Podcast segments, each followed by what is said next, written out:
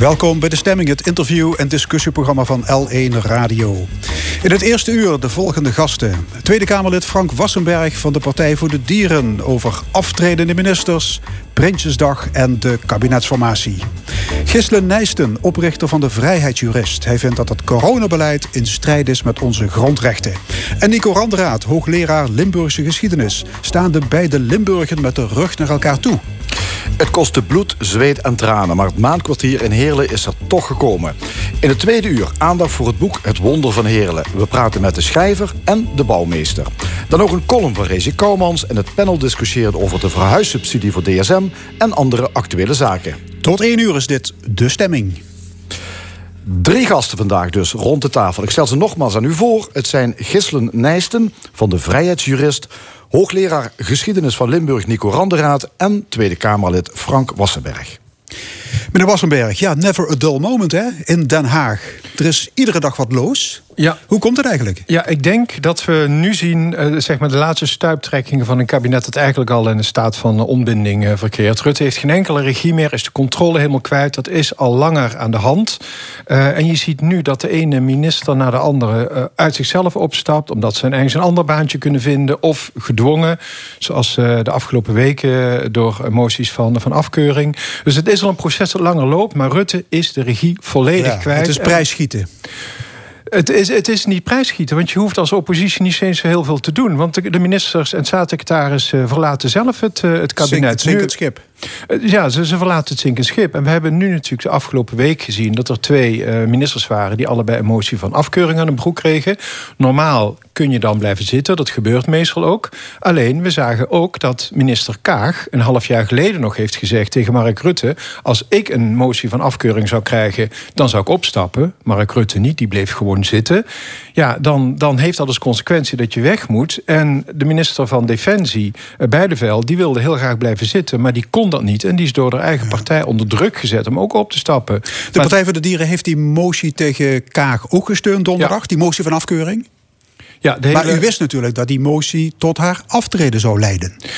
Want u wist natuurlijk wat ze in april gezegd had. Ja, ik, ik, uh, ze, ze, ze is afgetreden. Uh, ik weet van tevoren natuurlijk niet of ze inderdaad daadwerkelijk aftreedt. Ik wist ook niet of die motie zou worden aangenomen. Want het was nog onduidelijk of de ChristenUnie uh, voor of tegen zou stemmen. Maar rest... u kende de consequentie natuurlijk. Ik kende de consequentie. Op het moment dat je iemand echt de maat neemt, terecht hoor. Dat heeft ze volkomen terecht gedaan. Ze is ook terecht opgestapt. Ik moet zeggen, ze is met opgeheven hoofd opgestapt. Daar had ik echt respect en bewondering voor. Dus ze kon eigenlijk geen andere kant op, maar ze heeft het wel gedaan. Ja, Bijleveld is blijven zitten en dat was toch een zwaktebod. Ja, die, die had toen ook haar ontslag moeten indienen, vindt u? Eigenlijk was dat wel, uh, wel netjes geweest. Als hij ook had gezegd, nou, als mijn collega Kaag opstapt... dan had zij meteen op moeten stappen. Heeft ze niet gedaan. En die is nu gedwongen door de CDA? Ze Top, zeg maar een beetje gênant. Uh, het was heel gênant, want aanvankelijk zei ze ook nog... nou, uh, ja, iedereen, iedereen neemt zijn, uh, zijn eigen beslissing... en ik kies ervoor om te blijven. En een dag later toch met de staart tussen de benen opstappen. Het is gênant. Het zal beter diezelfde dag, diezelfde avond kunnen opstappen. Kunnen Kaag en Bijleveld op korte termijn terug als minister? Dat is heel moeilijk, daar ga ik niet over. Uh, formeel wel, het zou niet netjes zijn... maar er gebeuren wel meer dingen door de coalitie die niet netjes zijn. Dus het kan wel, het is niet verboden. Ik weet niet of het verstandig is, maar goed... ik zit niet bij het CDA of ik zit niet bij D66... dus ik ga er niet over. Maar mijn advies zou zijn, doe het niet. Het kabinet Rutte 3 is wel een duiventil geworden hè, van je welste. Meneer Nijsten, kunt nou, u de ja. personeelswisselingen nog, nog bijhouden? Ja, ik kan de personeelswisseling nog, uh, nog, uh, nog wel redelijk oh ja? bijhouden. Wie is de minister van. Economische Zaken? ja, dat is een goeie. Uh, ik zou het op dit moment inderdaad niet Aha. weten. Maar er, er hebben behoorlijk wat wisselingen plaatsgevonden. Maar wat ik mij afvraag... dit is het, eigenlijk de tweede motie van afkeuring... die, die de minister-president in zijn broek heeft. Want als ik het goed heb, was de motie van wantrouwen... ook gericht tegen het hele kabinet. En ik vraag me af of Rutte eigenlijk nog wel weet um, um, ja, wat hij is en doen met de macht. Hij zit meer dan tien jaar als premier daar. Uh, krijgt twee moties van afkeuringen aan zijn broek. En hij gaat gewoon vrolijk door. Ik vraag me af in hoeverre het gezond is als je twee moties van afkeuringen binnen een half jaar krijgt. En dan langer dan tien jaar aan de macht zit om daar te blijven zitten. Het is niet voor niets dat in heel veel landen je maximaal twee, twee termijnen kunt blijven ja. zitten. Onze gouverneur Johan Remkes die is uh, informateur. Die praat uh, gisteren en vandaag op een landgoed in Hilversum met VVD, D66 en CDA. Meneer Wassenberg, wat zijn uw verwachtingen? Dat is heel moeilijk om, uh, om te zeggen. Ik denk dat de enige optie zou nu zijn een, een minderheidskabinet. Uh, anders worden nieuwe verkiezingen. Ja, nou, bent u daar voorstander van, minderheidskabinet? Ik zie niet in hoe dat op een andere manier zou moeten. En het voordeel van een minderheidskabinet is dat je over het algemeen als oppositie een grotere rol kunt spelen. Dus dat zou kunnen betekenen dat wij met een aantal andere partijen die voor de, de klimaatcrisis echt aan willen pakken. En die ook willen zorgen dat er bijvoorbeeld veel minder uh, vee gehouden wordt in Nederland. Om ook die stikstofcrisis aan te pakken. Dat betekent dat je met andere partijen daar afspraken over kunt maken. Het parlement dus krijgt meer invloed. Het parlement zou meer invloed uh, moeten krijgen, omdat het veel minder is, uh, is dichtgetimmerd. Dus wat dat betreft zou dat een uh, goede optie zijn. Ja, het alternatief is nieuwe verkiezingen. dat zou wat betreft de Partij voor Dieren prima zijn. Maar heel veel andere partijen zitten daar niet op te wachten. Omdat ze buitengewoon slecht zijn in de peilingen. Het CDA is natuurlijk een partij, een ontbinding. Ik geloof dat die nog vijf of zes zetels hebben van de 41 die ze, die ze 12 jaar geleden hadden.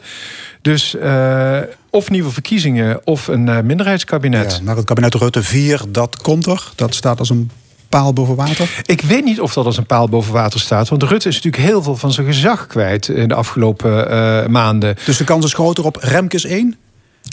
Of het Remkes 1 wordt, weet ik niet. Want er is, is er een kroonprins bij, het, uh, bij de VVD dan? Die kroonprins hebben ze om zijspoor gezet. Ja. Dat was Klaas Dijkhoff. En die heeft nu voor een carrière buiten de politiek gekozen. Dus uh, de VVD heeft uh, zijn eigen kroonprins op een zijspoor gezet. Of laten zetten. Dus ik zie niet binnen de VVD wie het zou moeten doen op dit moment. Maar Rutte is in elk geval voor de Partij voor de Dieren geen optie. Maar ik denk voor heel veel partijen ook niet meer. Ja. Er zijn een aantal grote problemen die echt aangepakt toch moeten worden de stikstofdeken die over Nederland hangt, heeft grote gevolgen voor de natuur, maar ook voor bouwprojecten die niet uitgevoerd kunnen worden. Ja, nou, het demissionair kabinet, nog geen zicht op een uh, snel uh, nieuw kabinet. Is het nou toch mogelijk om op zo'n onderwerp op korte termijn met oplossingen te komen? Dat zal wel moeten, want wat je ziet is dat het kabinet Rutte 3 de afgelopen jaren eigenlijk zich helemaal niet aan eigen wet heeft gehouden. Je noemt de stikstof, dat was wettelijk geregeld, heeft Nederland zich niet aan gehouden. Uh, de klimaatcrisis, Nederland heeft zich gecommitteerd, heeft afspraken gemaakt over Parijs. Nederland houdt zich daar ook niet aan. Kijk naar de toeslagenaffaire, waarbij Nederland ook de eigen wet en regelgeving heeft geschonden. Dus wat wij zeggen is, zorg nou dat je daar een kabinet krijgt dat zich allereerst aan de eigen wet houdt, ook om stikstof. Ja, en dan heb je geen met weinig keuze. Dan moet je maatregelen nemen, want anders gaat het niet lukken. Ja, maar ik zie bijvoorbeeld op Prinsjesdag... er wordt 6 tot 7 miljard uitgetrokken voor klimaatbeleid. Dat dan wel. Uh, zal ook niet, misschien niet voldoende zijn. Maar voor stik, dus de aanpak van het stikstofprobleem... zie ik vooralsnog niks Nee, terwijl als je. Kijk, het stikstofprobleem en het klimaat, die klimaatcrisis gaan natuurlijk hand in hand. Dat komt voor een heel groot deel ook omdat we veel en veel te veel uh, vee houden in Nederland.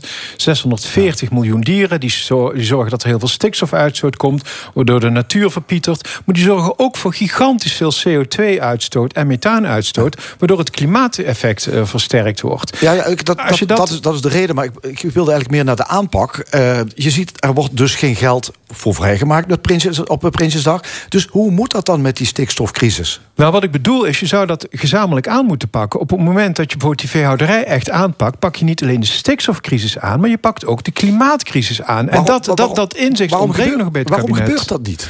Omdat uh, het kabinet doods en doods bang is voor de boeren, voor de burger, voor mensen die heel hard gaan schreeuwen op, op Facebook dat het allemaal zo niet kan. Ze hebben uh, ze hebben maatregelen nodig om, om zeg maar de wetgeving die, die al lang bestaat, um, om, om, om, om te voldoen aan de wetgeving. En ze durven het gewoon niet. Het is pure angst. Ja, de, deze week lekte uit dat de landsadvocaat, die heeft een advies uh, uitgebracht uh, en die suggereert het is mogelijk om vergunningen van boeren in te trekken. Boeren staan natuurlijk op hun achterste benen, want ja, een vergunning die heb je gewoon gekregen. De, dat is een soort, soort rechtszekerheid. Wat vindt u daarvan, van zo'n advies? Ik snap, ik, ik snap het advies, maar ik snap ook dat die boeren woedend zijn. Want wat er namelijk wat er gebeurd is, is dat de afgelopen jaren honderden vergunningen per jaar zijn uitgegeven... die eigenlijk helemaal niet uitgegeven hadden mogen worden.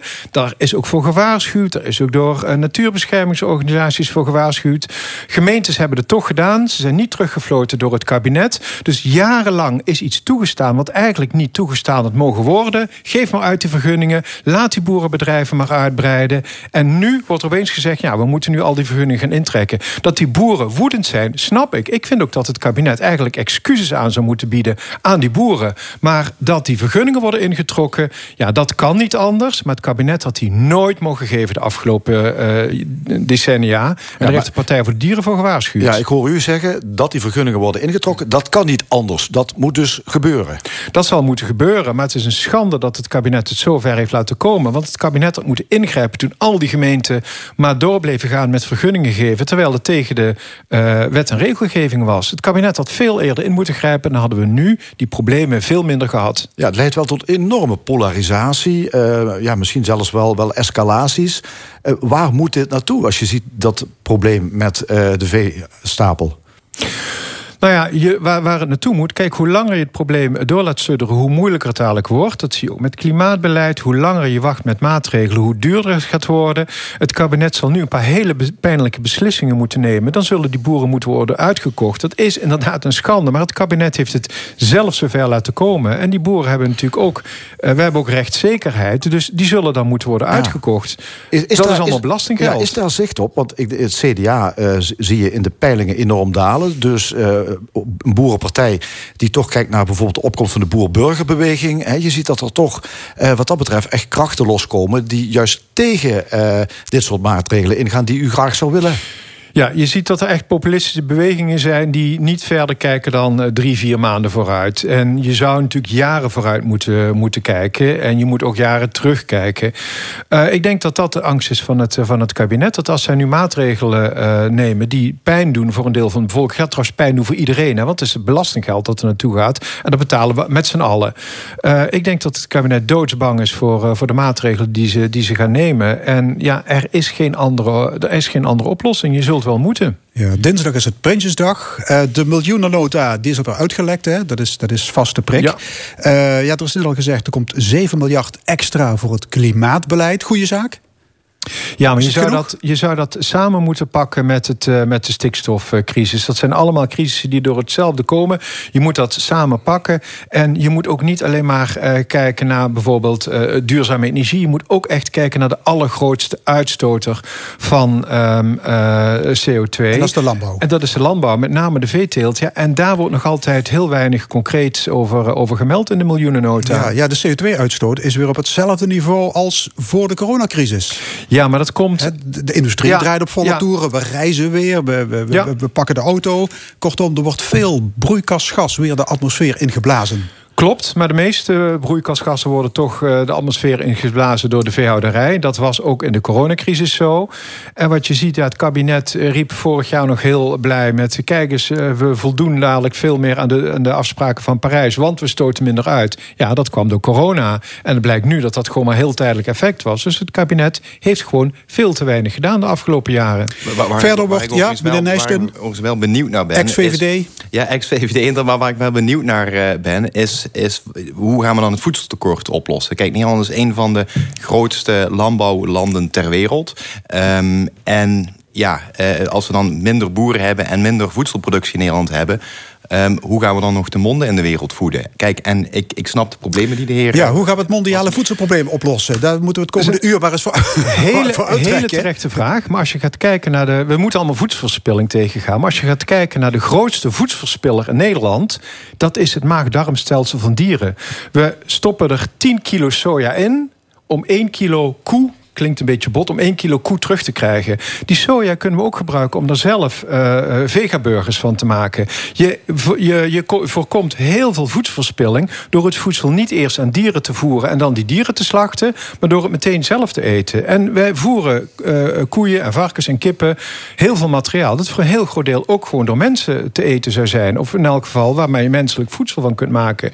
Dus als je dat tegengaat, dan heb je gewoon met veel minder landbouwgrond kun je veel meer monden voeden. En wat je bovendien krijgt, je hoeft niet meer het Amazone-regenwoud te kappen. Want dat gebeurt op dit moment. Amazone wordt gekapt, daar worden sojaplantages neergezet. En die soja wordt aan onze koeien en onze kip en onze varkens uh, gevoerd. En dat, dat voorkom je. Maar, maar, dat neemt niet weg dat de wereld, uh, het wereldgebruik van vlees eten nog toeneemt. Met name in landen als China. En als wij in Nederland gaan stoppen en wij toch denk ik een, een tamelijk CO2, minder CO2 per koe uitstoten dan naar andere landen. Dan gaat, dan gaat die veeteelt zich verplaatsen naar andere landen, waardoor nog meer CO2 wereldwijd wordt uitgestoten. Dus bent u wel met me eens dat het een wereld, ja, mondiaal probleem is. Eh, en dat je het eigenlijk op mondiaal niveau zou moeten aanpakken als je al stelt hè, dat die CO2 eh, een, een, probleem is. Uiteraard moet je het mondiaal aanpakken, maar je ziet ook dat die hele beweging naar uh, het, het voedsel niet meer aan onze dieren voeren, maar gewoon daar zelf voedsel van maken, dat zie je ook eigenlijk mondiaal terugkomen. En Amerika Amerika zijn er hele interessante ontwikkelingen. Zelfs in Azië zijn er, uh, zijn ontwikkelingen. Dus ook dat is, een, dat is iets dat mondiaal terugkomt. Dat moet je mondiaal ook aanpakken. Maar het uh, voortdurend uh, laten groeien van de veestapel... zowel in Nederland als in landen om ons heen... is geen enkele oplossing. Dat maakt het probleem alleen maar groter. Want daarmee raken we gewoon meer voedsel kwijt. In koeien maken, in kippen maken, in varkens maken... dan dat we het zelf kunnen eten. Oké, nog even terug naar de miljoenennota. er wordt verder 400 miljoen extra uitgetrokken de bestrijding van de georganiseerde misdaad. En 100 miljoen extra per jaar voor woningbouw. Uh, goede plannen?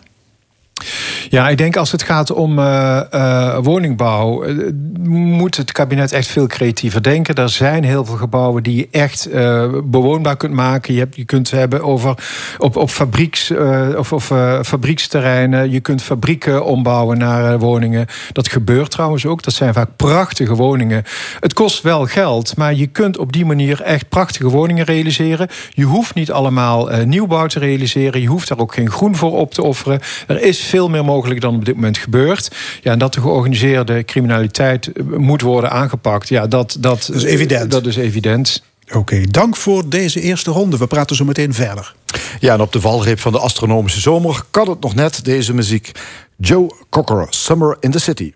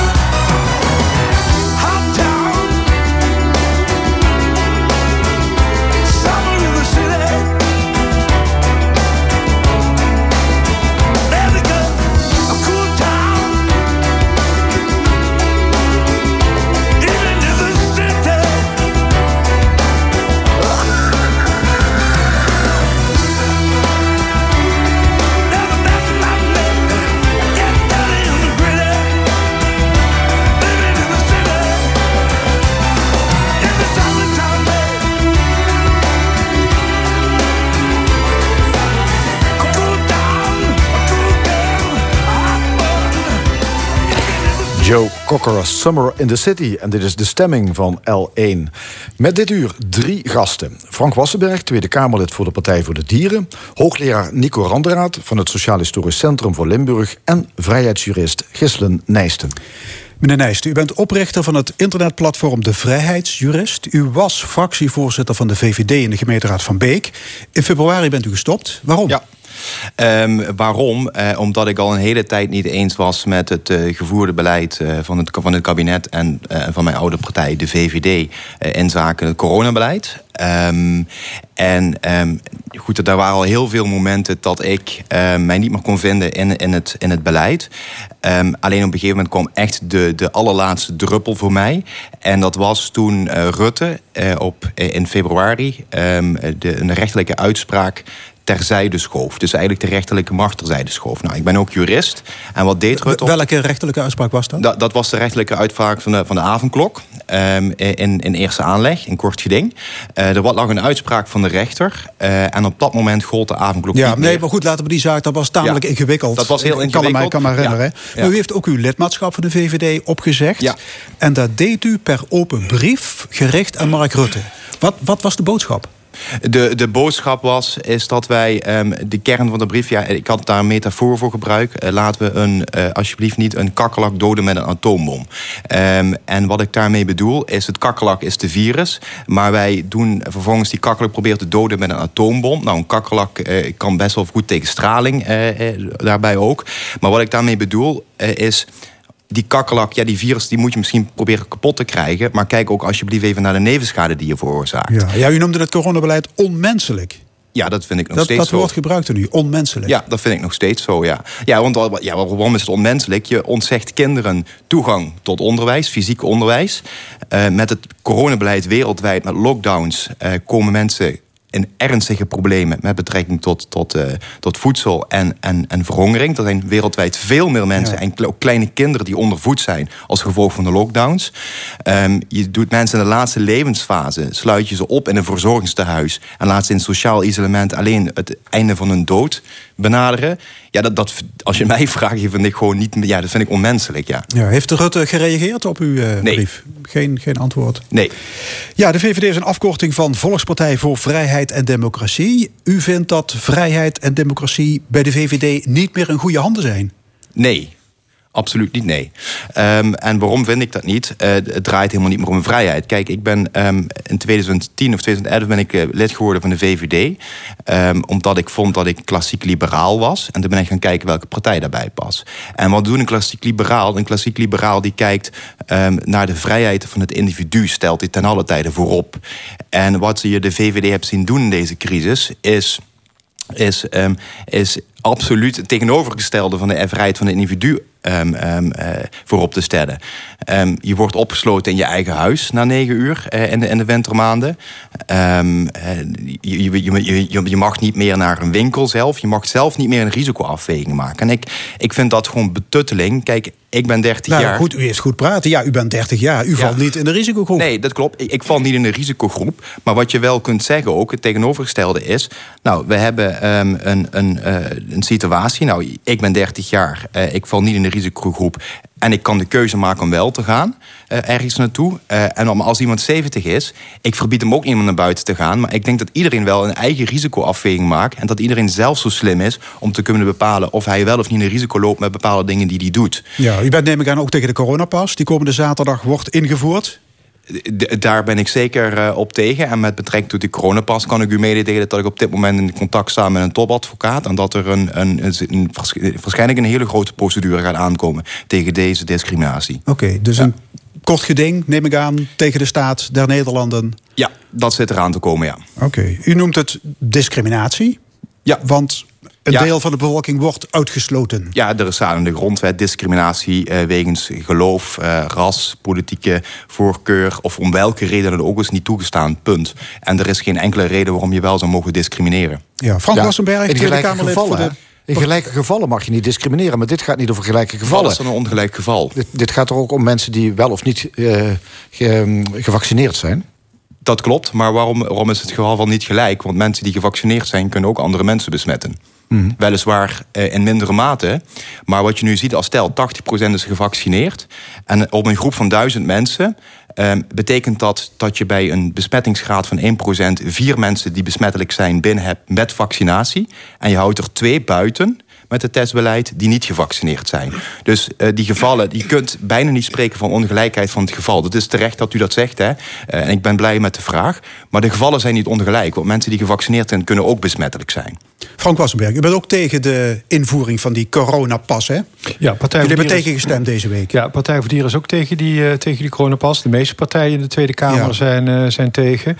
Heel veel kleintjes. Ja, heel veel kleintjes. Ja, maar het was, het was inderdaad kiele kiele. Wat is uw bezwaar?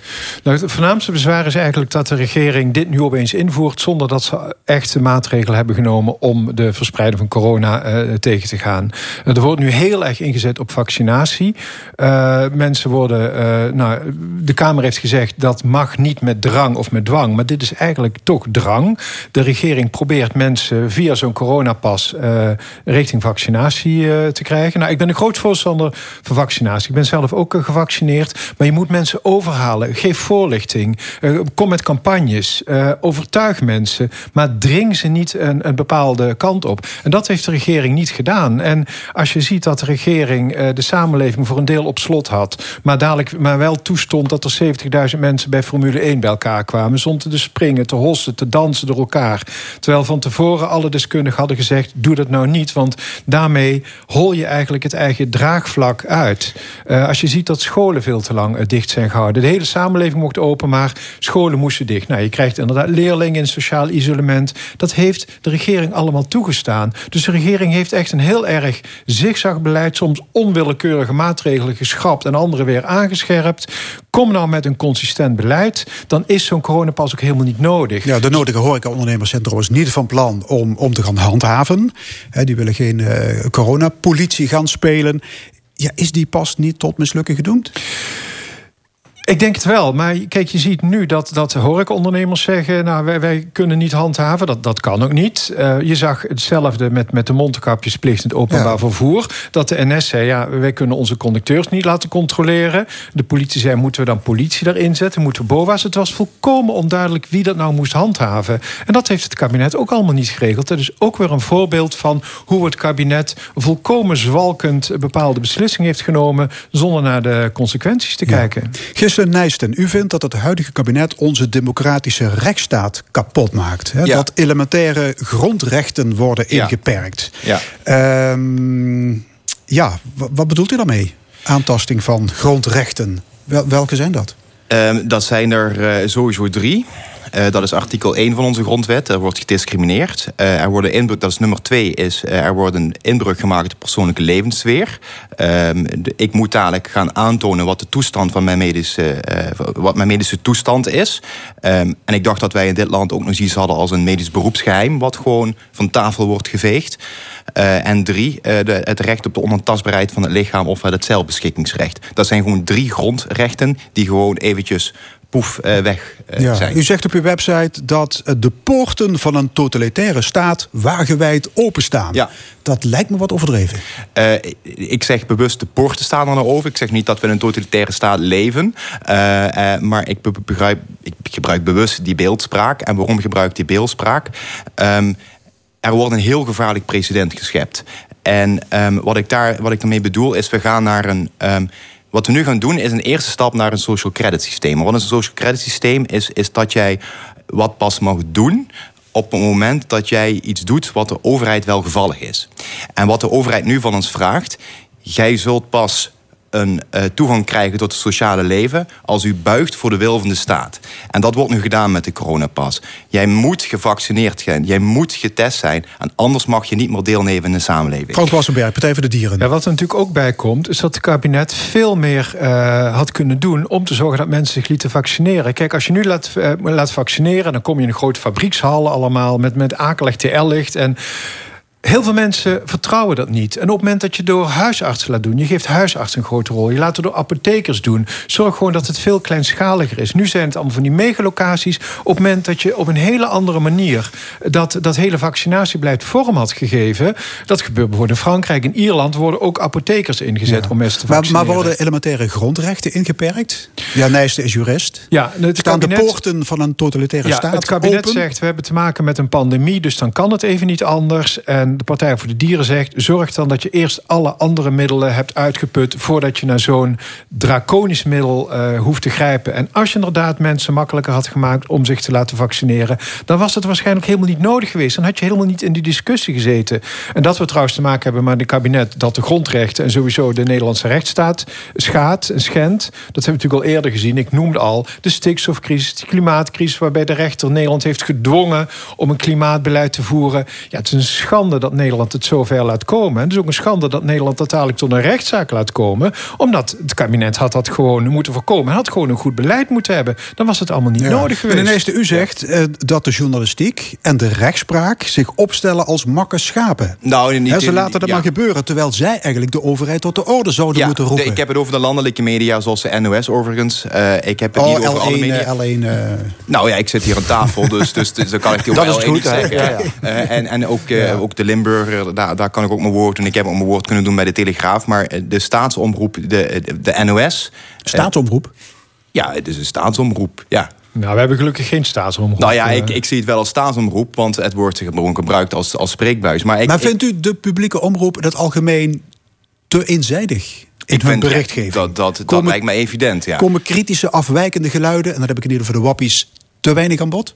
Dat, dat lijkt me evident, ja. Ja, dat die niet aan bod komen. Ik denk toch wel dat een behoorlijk deel van de Nederlandse samenleving er kritisch in staat. Maar ik ben het overigens met één, ik ben het voor een groot deel eens met de heer Wassenberg, maar op één deel niet. Uh, dat zoveel mogelijk mensen gevaccineerd zouden moeten worden. Want waarom zou ik gevaccineerd moeten worden? Ik weet niet eens of ik het virus heb gehad. Um, ik, waarschijnlijk, ik denk het wel. Ik heb overigens me nu zelfs een test laten doen of ik het wel of niet heb gehad. Ik ben niet gevaccineerd. En als je niet gevaccineerd bent en je hebt het virus gehad, blijkt dat je zes tot zeven keer zoveel uh, antistoffen hebt dan als je gevaccineerd bent. Dus zou het niet veel beter zijn om mensen die niet in de risicogroep zitten, juist een natuurlijke immuniteit te laten opbouwen, waardoor ik mensen in de risicogroep juist bescherm tegen, te, tegen besmetting. Want als ik zes tot zeven keer zoveel antistof heb, is de kans dat ik iemand anders besmet ook veel kleiner. Ja. Maar goed, ik wil even, terug, ik wil even terug naar de journalistiek en met name de rechtspraak. Ja? U vindt dat de rechterlijke macht het ook laat liggen? Nee, dat heb ik niet gezegd. Oké, okay, nou, nee, wat staat, ik heb, wat staat ik, op uw website. Wat, wat, wat staat op mijn website? dat de journalistiek en de rechtspraak zich opstelt, ja, veel te gemakkelijk. Die moeten juist de, de, de overheid ja, ik, tot, tot de orde roepen. Ik heb, ik heb twee en, dingen. Ik dacht dat je me op een brief refereerde. Exact, Nee, nee, excuses. Uh, maar en, ja, nou, wat, ik, wat, ik, wat ik dus wel zie, is inderdaad dat er een heel eenzijdig beeld wordt geschept.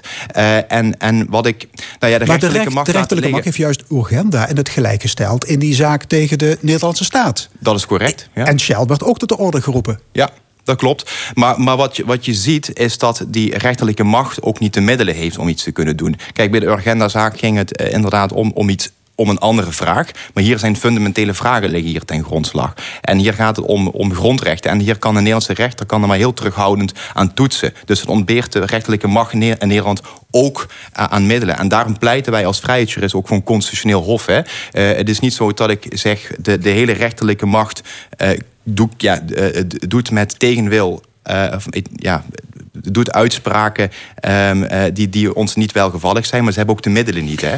Dat maar is dat, wat ik. Dat, dat de rechters niet overal aan kunnen toetsen, dat kun je de rechters niet verwijten. Nee, dat ligt aan de Nederlandse wet en regelgeving. Maar ik, ik, denk dat de rechterlijke macht wel volkomen onafhankelijk is. Daar sta ik ook voor.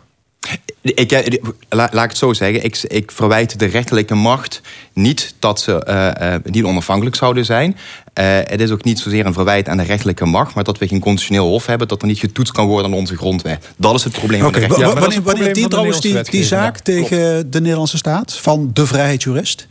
U zei, we hebben een topadvocaat in de arm genomen. Ja, dat is, Is een, dat is wel, een van uh, onze juristen die de verklaring heeft ondertekend. Uh, dat zal uh, binnen enkele dagen bekend worden. Ik kan er nog niet heel veel over zeggen. Maar daar gaat wel een, uh, een, een procedure komen, ja. Oké. Okay. Goed, uh, wij gaan luisteren naar muziek. Naar Seal, If You Don't Know Me By Now.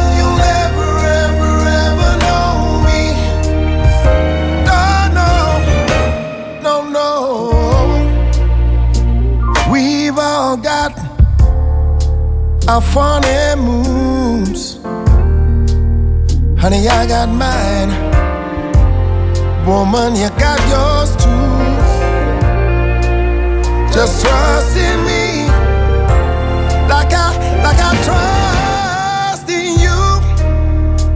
And as long as we've been together, that should be easy to do. Oh, so just get yourself together. Or we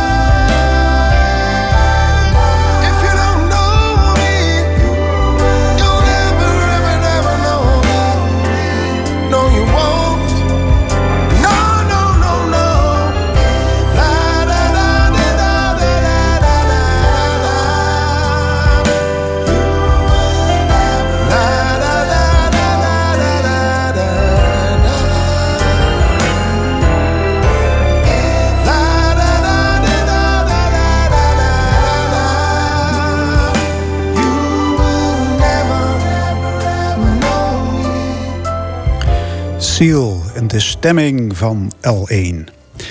Het is de plek waar al 75 jaar onderzoek wordt gedaan naar de geschiedenis van vakbonden, mijnwerkers, boeren en fabrieksarbeiders. Het Sociaal Historisch Centrum voor Limburg. Aan tafel Nico Randraat, de nieuwe directeur. En hij is ook net benoemd tot bijzonder hoogleraar aan de Universiteit Maastricht. Ja, welkom. Um, ja, bijzonder hoogleraar. En ik heb even gekeken. De opdracht is vergelijkende regionale geschiedenis in het bijzonder van Limburg. Ik moet zeggen, ik heb een paar keer moeten lezen. En het is me nog niet helemaal duidelijk wat u gaat doen. Het is, het is een hele mond vol, maar zo heet die leerstoel al eh, een jaar of dertig, sinds de jaren tachtig. Ehm, en het idee daarachter onderschrijf ik wel. Dat je, als je de geschiedenis van Limburg wilt bestuderen... dat je soms ook eens over de grenzen moet kijken. Eh, om te vergelijken. Eh, om te kijken wat er bijzonder is aan Limburg... maar misschien ook wat Limburg gemeen heeft... met andere provincies of andere delen van Nederland. Of Dat, van daar België zit, of daar zit hem het vergelijkende in. Daar Vergelijken met andere regio's. Ja, ja. Ja, ja. Ik snap trouwens als historicus dat je hoogleraar wilt worden, maar u bent tevens ook directeur van het eh, Sociaal Historisch Centrum voor Limburg. Waarom eh, wil een historicus directeur worden? Want dan moet je dus eh, over arbeidsvoorwaarden en zo gaan onderhandelen en dat soort dingen. Ja, dat, dat wilde hij ook eigenlijk niet. Of althans, dat, dat wilde hij niet heel bewust. Daar ben ik een beetje ingerold. Eh, nadat mijn voorganger met pensioen is gegaan... stond er niet direct een opvolger klaar. Die kon men niet vinden. Toen heb ik dat een tijdje ad interim gedaan. Uh, en dat bleek eigenlijk een gouden kans te zijn. Want ik, ik zag als, als historicus aan de universiteit opeens dat, er, eh, ja, ook, dat je ook heel veel andere dingen kunt doen. Ja. En ik dacht, nou, ik kan nog een keer veranderen in, in mijn leven. eh, ergens eh, halverwege de jaren eh, v- Ja. 50 dat ik nu ben. En eh, nou, laat, ik dat, laat, laat- ik dat gaan doen. Ja, dus directeur van het eh, Sociaal Historisch Centrum voor Limburg. In uw, eh, tijdens uw inauguratie zei u dat u andere accenten wil gaan zetten. Dan kennen we dat Sociaal Historisch Centrum inderdaad als een plek waar veel geschiedenis van bijvoorbeeld de mijnwerkers, de Sphinxfabrieken, dat soort zaken zijn uitgeplozen. Welke andere accenten wil u gaan zetten? Nou, die, die, die onderwerpen die je noemt, die gaan ook door. Hè. Het is niet dat ik dat afkap. Want eh, ik heb een, eh, een promovendus, die doet nu geschiedenis naar de, eh, onderzoek naar de geschiedenis van de domaniale mijn. Eh, ik heb een, eh, een, een promovenda die onderzoek doet naar eh, het glasatelier Nicolas in Roermond. Dus al die dingen gaan ook wel door. Maar ik wil proberen in een beetje een andere kant op te gaan zelf. Met wat ik noem de sociale geschiedenis van het landschap. Dus te kijken naar, naar de ruimtelijkheid, naar de omgeving van ons allemaal. En, en kijken wat daar de geschiedenis van is en wat de relatie is tussen het landschap en de mensen en de ontwikkeling daarin. Ja, eh, eh, en u gaf al een voorbeeld ook tijdens die inauguratie. Dat is bijvoorbeeld kijken naar wat de impact is geweest van de aanleg van wegen in de 19e eeuw op de mensen die rondom zo'n weg wonen. Bijvoorbeeld een weg die van overheidswegen, we kennen hem hier als de Napoleonsbaan, is aangelegd dwars door het landschap. En dan gaat u kijken, wat, wat gaat er langs zo'n weg gebeuren? Ja, precies. Ja. Ik, ik heb een heel klein stukje van die, van die weg onder de loep genomen. In een, een stukje dat nu in België ligt. Dat loopt door, eh, door Reken, het dorp waar ik woon. Eh, dat was eigenlijk een, een heel nieuw traject. Dat, dat ging dwars door het, het platteland. eh, door, door, de, door de percelen die links en rechts lagen. En daar woonde eigenlijk niemand aan. En dan heel geleidelijk zie je dat, zie je dat opkomen. En wat, wat, maakt, en- dat, wat maakt dat interessant? Daar, daar zitten allerlei eh, eh, tempi in, zal ik maar zeggen. Daar, gebeurt eerst heel weinig, want er is geen noodzaak voor mensen om zich daar te vestigen. Dat is alleen maar lastig. Je bent een stuk van je land kwijt. Eh, maar er, ontstaat toch vervoer. Dus er komen herbergen, er komen cafés, bepaalde ambachten, een, wagenmaker zie je daar, daar komen. Dus je ziet heel geleidelijk zo'n zo'n landschap veranderen. Zo'n heel agrarisch 19e eeuws eh, landschap. Eh, en dat komt dan in de stroomversnelling aan het eind van de 19e eeuw, als de mijnen, eh, ook in, eh, in IJsden, aan, aan de andere kant van de grens, in IJsden-Maasmechelen opkomen, komen er plotseling mijnwerkers wonen. Er komt een tramlijn en dan gaat het op een bepaalde manier leven. En, en dan zie je ja, veranderingen in de stroomversnelling komen. En dat, dat, dat kun je dan weer vergelijken, bijvoorbeeld met de Napoleonsbaan in, in, in Nederland. Ja, dus dezelfde weg eigenlijk. hè? Dezelfde weg, maar die ziet er heel anders uit. Eh, dan kun je gaan afvragen, ja, waarom is dat eigenlijk? Ja. Eh, wat hebben ze gemeenschappelijk? Hoe, hoe, hoe hebben, wat is de impact van, van twee soorten regelgeving op eigenlijk dezelfde Ja, weg? die Napoleonsbaan die, die loopt eigenlijk door het groen met prachtige bomen erlangs. Als je diezelfde weg in België ziet nu, ehm, die heeft een iets wat andere uitstraling. Hè? Met Ja, eh, al die bedrijven die er langs zitten. Ja, en, ja, dat ziet er niet, niet heel aantrekkelijk uit. Dat Nee. geef ik geef toe. En mensen vinden dat dan ook meteen typisch Belgisch. En, en we hebben daar, trekken daar de wenkbrauwen bij op. Maar ook, ook dat heeft een geschiedenis dus. En een geschiedenis die gedeeltelijk overeenkomt dus met die Nederlandse Napoleonsbaan. En dat Ja. vind ik dan weer interessant. Ja, het Sociaal Historisch Centrum voor Limburg is een, een wetenschappelijke instelling. eh, maar denk ik niet heel erg bekend onder een brede laag van de bevolking. Zou dat niet anders moeten? Ja, zeker. Dat, dat, is, dat is ook wel een, een, een stukje van eh, zeg maar mijn opdracht. Om te kijken of we de, de, de publieke belangstelling nog niet verder kunnen verbreden. Aan de ene kant wel via het onderzoek, hè, dus via, via het, het, eh, de universiteit. Ik wil meer studenten over de vloer. Er komen eigenlijk heel weinig studenten naar het historisch centrum, waar, waar wij ook eh, inhuizen. Dus dat moet, eh, moet toenemen. Maar ik, be- Maar ik- bedoel, maar ik- ook op die uitstraling naar de rest van de bevolking. Ja, nee, maar daar- daar- landelijk heb je bijvoorbeeld het NIOT. Bijvoorbeeld, Ja, hè? ja. Dat is ook een, historisch onderzoeksinstituut. Houdt zich ook bezig met de recente geschiedenis. Jullie zoomen in, ook in op de 20e en ook wel de 19e eeuw. Ehm, ja, waar- hoe zou dat, zou dat niet anders kunnen? Dat het echt spraakmakender onderzoek is wat er plaatsvindt? We, we proberen uh, meer aanwezig te zijn op de sociale media. We, we gaan meer podcasts maken. We, we proberen uh, nieuwe groepen uh, daarmee aan te spreken. We hebben nu sinds een, een klein jaar het, het project Drapeau, dat u misschien kent, over de vlaggen en vaandels. Ja, hebben we hier aan tafel besproken met Joep Leersen. Ja. Nou, die, die is ook samen met mij bijzonder hoogleraar namens het SHCL. Dus dat is een, een mooi voorbeeld, vind ik, en ook heel geslaagd, van hoe je mensen, verenigingen in Limburg kunt betrekken bij uh, een erfgoedonderwerp. In dit geval die vlaggen en vaandels. Ja, want ik zag het laatste jaarboek van jullie. En daar staan dan artikelen in. Wat denk ik, dat is toch vooral voor vakbroeders bedoeld. Hè? Uh, een artikel over doodsoorzaken in Mazeik tussen 1881 en 1885. Denk ik, ja, wie, wie, zou er, wie zou er aan gaan staan om dat te lezen? Ja, dat, dat, klopt. Dat is natuurlijk wel iets dat, dat, dat, dat je, waarvan je weet, nou dat spreekt misschien niet iedereen aan. Maar daarom gaan we ook die, die podcast doen, speciaal met de auteurs uh, van, het, uh, van het jaarboek. Dus dat is niet alleen die artikelen, zodat de auteurs ook in de gelegenheid komen om uit te leggen uh, wat daar nu zo interessant aan is. Want dat, dat kun je vaak niet goed opschrijven. Hè? Dat, dat hoort dan niet bij in, in zo'n jaarboek. Waarom vind ik dat eigenlijk interessant terwijl je dat wel wilt horen? Ja. En dat, dat zal dan via zo'n podcast beter tot zijn recht kunnen komen. Ja. Gisteren was er een bijeenkomst van het Algemeen Nederlands Verbond in Altebiezen. Ehm, dat was een, een plek waar gehamerd werd op meer samenwerking tussen Belgisch en Nederlands Limburg. U was er ook. Uh, wat was uw boodschap? Ja, ik, ik was daarvoor gevraagd. Uh, misschien omdat ik net uh, die, die oratie had gedaan en ook eigenlijk pas, pas benoemd ben. Um, ik heb daar gezegd dat ik historicus ben en, en ook vanuit die positie niet direct een stelling wil innemen over dat, dat die samenwerking per se goed is of per se uit de geschiedenis voortvloeit. Uh, er zijn allerlei verledens waar we al dan niet wat mee kunnen doen.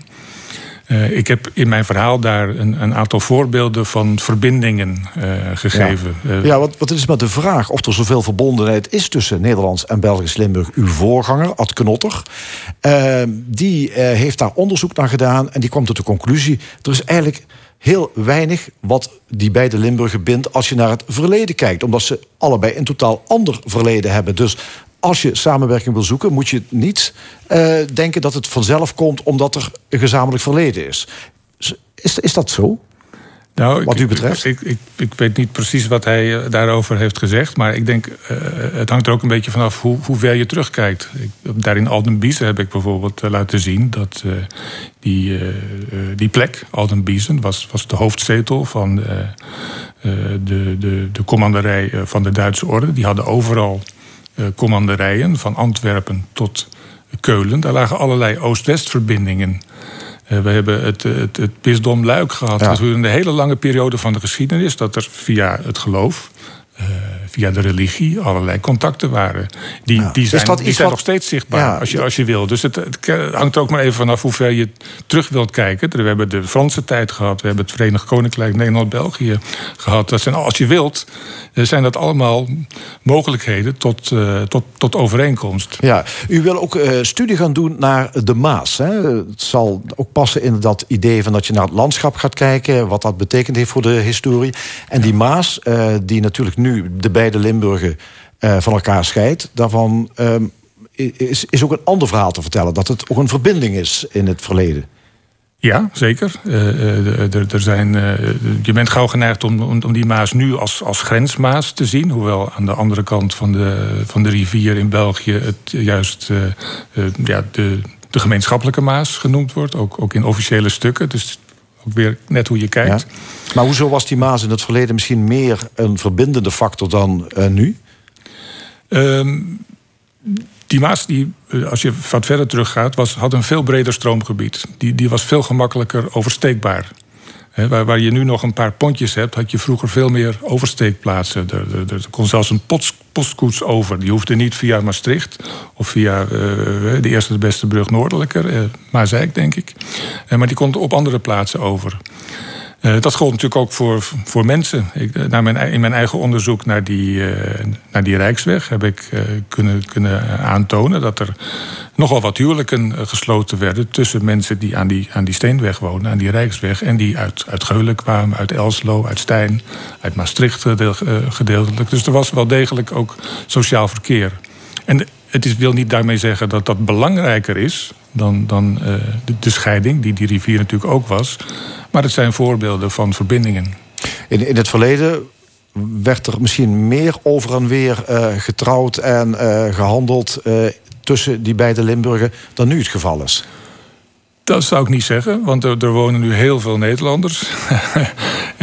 meer, meer, dan ooit, denk ik, in, in Laanaken en, en, en, en, omstreken. Dus in die zin zijn er wel veel meer verbindingen. Dat is ook de, de, de, ja, de paradox van de grens. Ook iets waar mijn voorganger het wel vaak over gehad heeft. Dat die, die grens, die, die, die scheidt. Maar, maar doordat hij verschillen creëert, creëert hij ook, uh, heeft, heeft hij ook een brugfunctie. Om, omdat er prijsverschillen zijn tussen benzineprijzen, gaan mensen over die grens. doordat het, het kunstonderwijs in, in, in Vlaanderen goedkoper is, trekken ook mensen uit, uit de grensstreek daar naartoe om het, om het te volgen. Ja. En omgekeerd zijn er ook voorbeelden te volgen. Dus er is dus een bepaalde dubbelheid in, in, in het functioneren van zo'n grens die scheidt.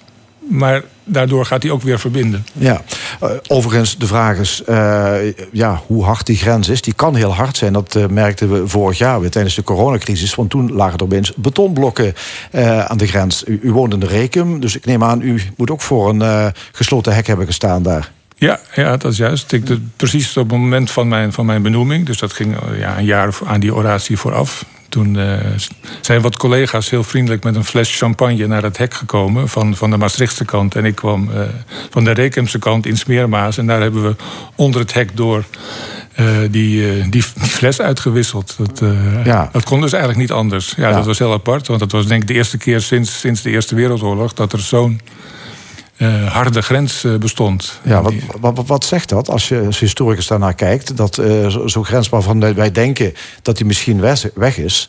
en, en dat we door nou ja, oude verbondenheid, uh, ja, daar samen, uh, dat, dat er geen grens is. Maar tijdens zo'n crisis opeens worden er toch hekken ja. opgetrokken. Dus...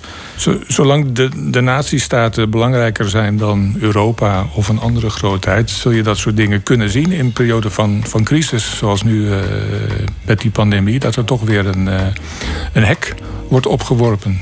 Ook, ja. al, ook al hè, zegt, zeggen de burgemeesters nu achteraf... ja, dat was misschien toch niet zo'n goed idee en, en, en dat gaan we niet meer doen. Uh, maar het kan dus zomaar gebeuren. En ik snap dat ook wel.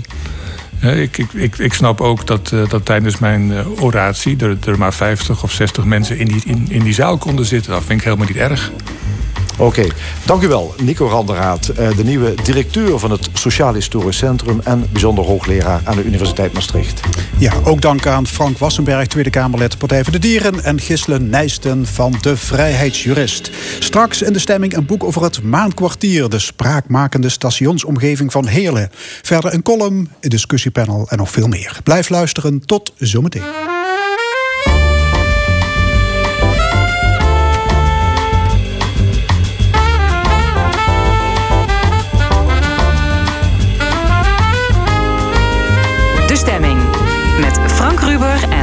Fons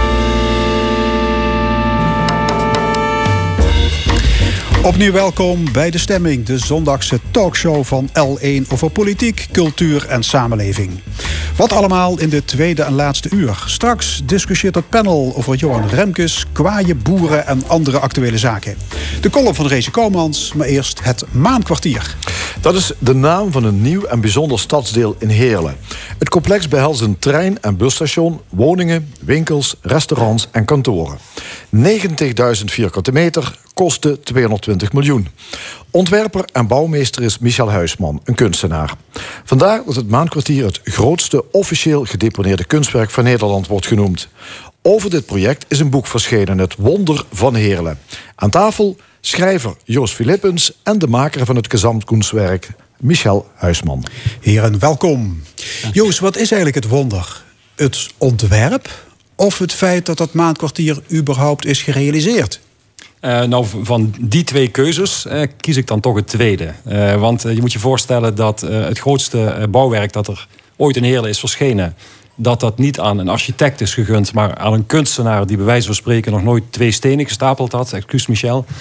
ja, dat, dat vind ik een wonder. En er zit nog een kleine ondertitel in voor, voor de Heerlenaren. Ik ga het nu gewoon verklappen. Het staat niet in het boek. Maar je had vroeger een klein winkeltje. Dat heette Het Wonder van Heerlen.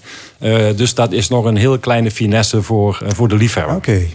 Michel, ja, het hele project heeft 18 jaar geduurd. Uh, je kreeg te maken met tegenslag, met tegenwerking, met bezuinigingen. De ene crisis stapelde zich op de andere. Hoe heb je dit in godsnaam volgehouden? Het is net zoiets als een trui breien. Je haalt naalden in huis en een ontwerp of iets zo'n patroon. En dan begin je een mouw op te zetten. En na een minuut of twintig denk je, ik heb een manchet. En daar zit dan een foutje in en dan haal je het weer uit en doe je het nog eens. Maar er komt een moment, dan is het een mouw. En dan maak je de rest ook af. Het is van dag tot dag. Hoe vaak heb je op het punt gestaan om, om het hele project af te blazen? Ja, dat is wel erg vaak, ja. maar ik denk dat dat hoort bij zo'n groot project. Uh, ik weet dat uh, toen de Eiffeltoren gebouwd werd, dat er vele tientallen uh, processen zijn gevoerd om hem te voorkomen. En nu staat hij er. En de bedoeling was dat hij er een jaar of acht zou staan. Hij staat er nog steeds. Ja, mooie vergelijking. Maankwartier en de Eiffeltoren. Hè? Je doet wat je kunt. Michel, waar heb je de meeste last van gehad? Van, van ambtenaren, van commerciële partijen, van de politiek, misschien van onzichtbare krachten?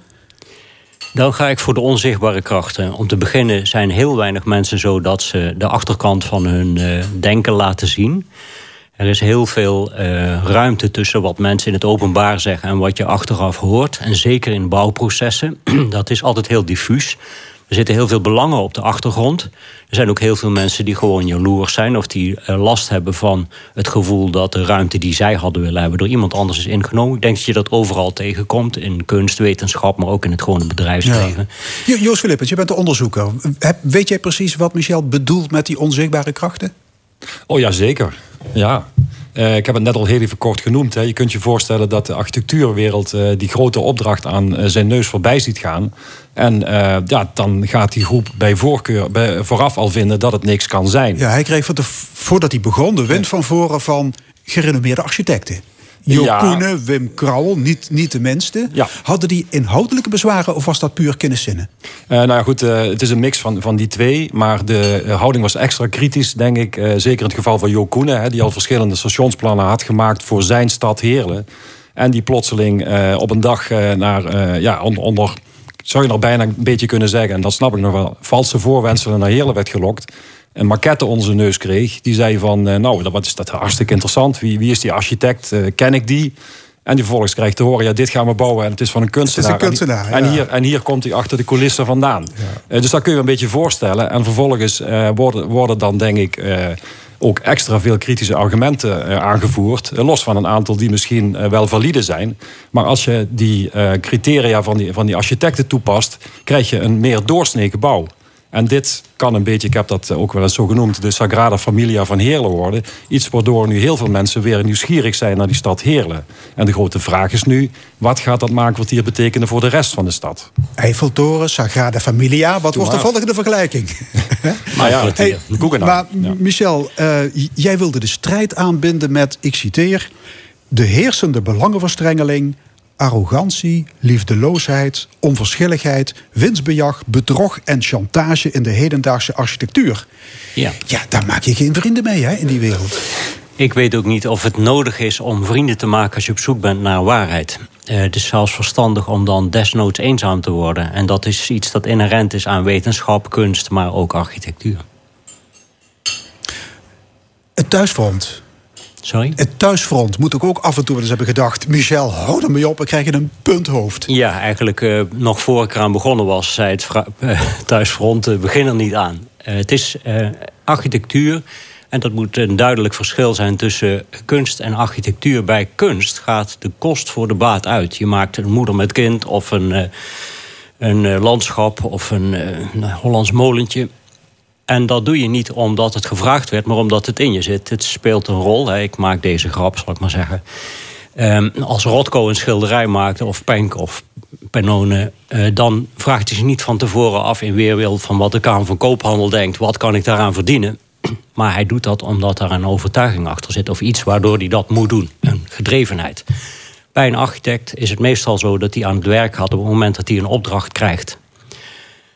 Dat is een groot verschil. En dat maakt ook dat um, een kunstenaar, als hij gewoon een vrij werk maakt, een vrij werk maakt. Hij heeft geen last van allerlei premissen of precondities die de opdrachtgever daar aan ten grondslag legt.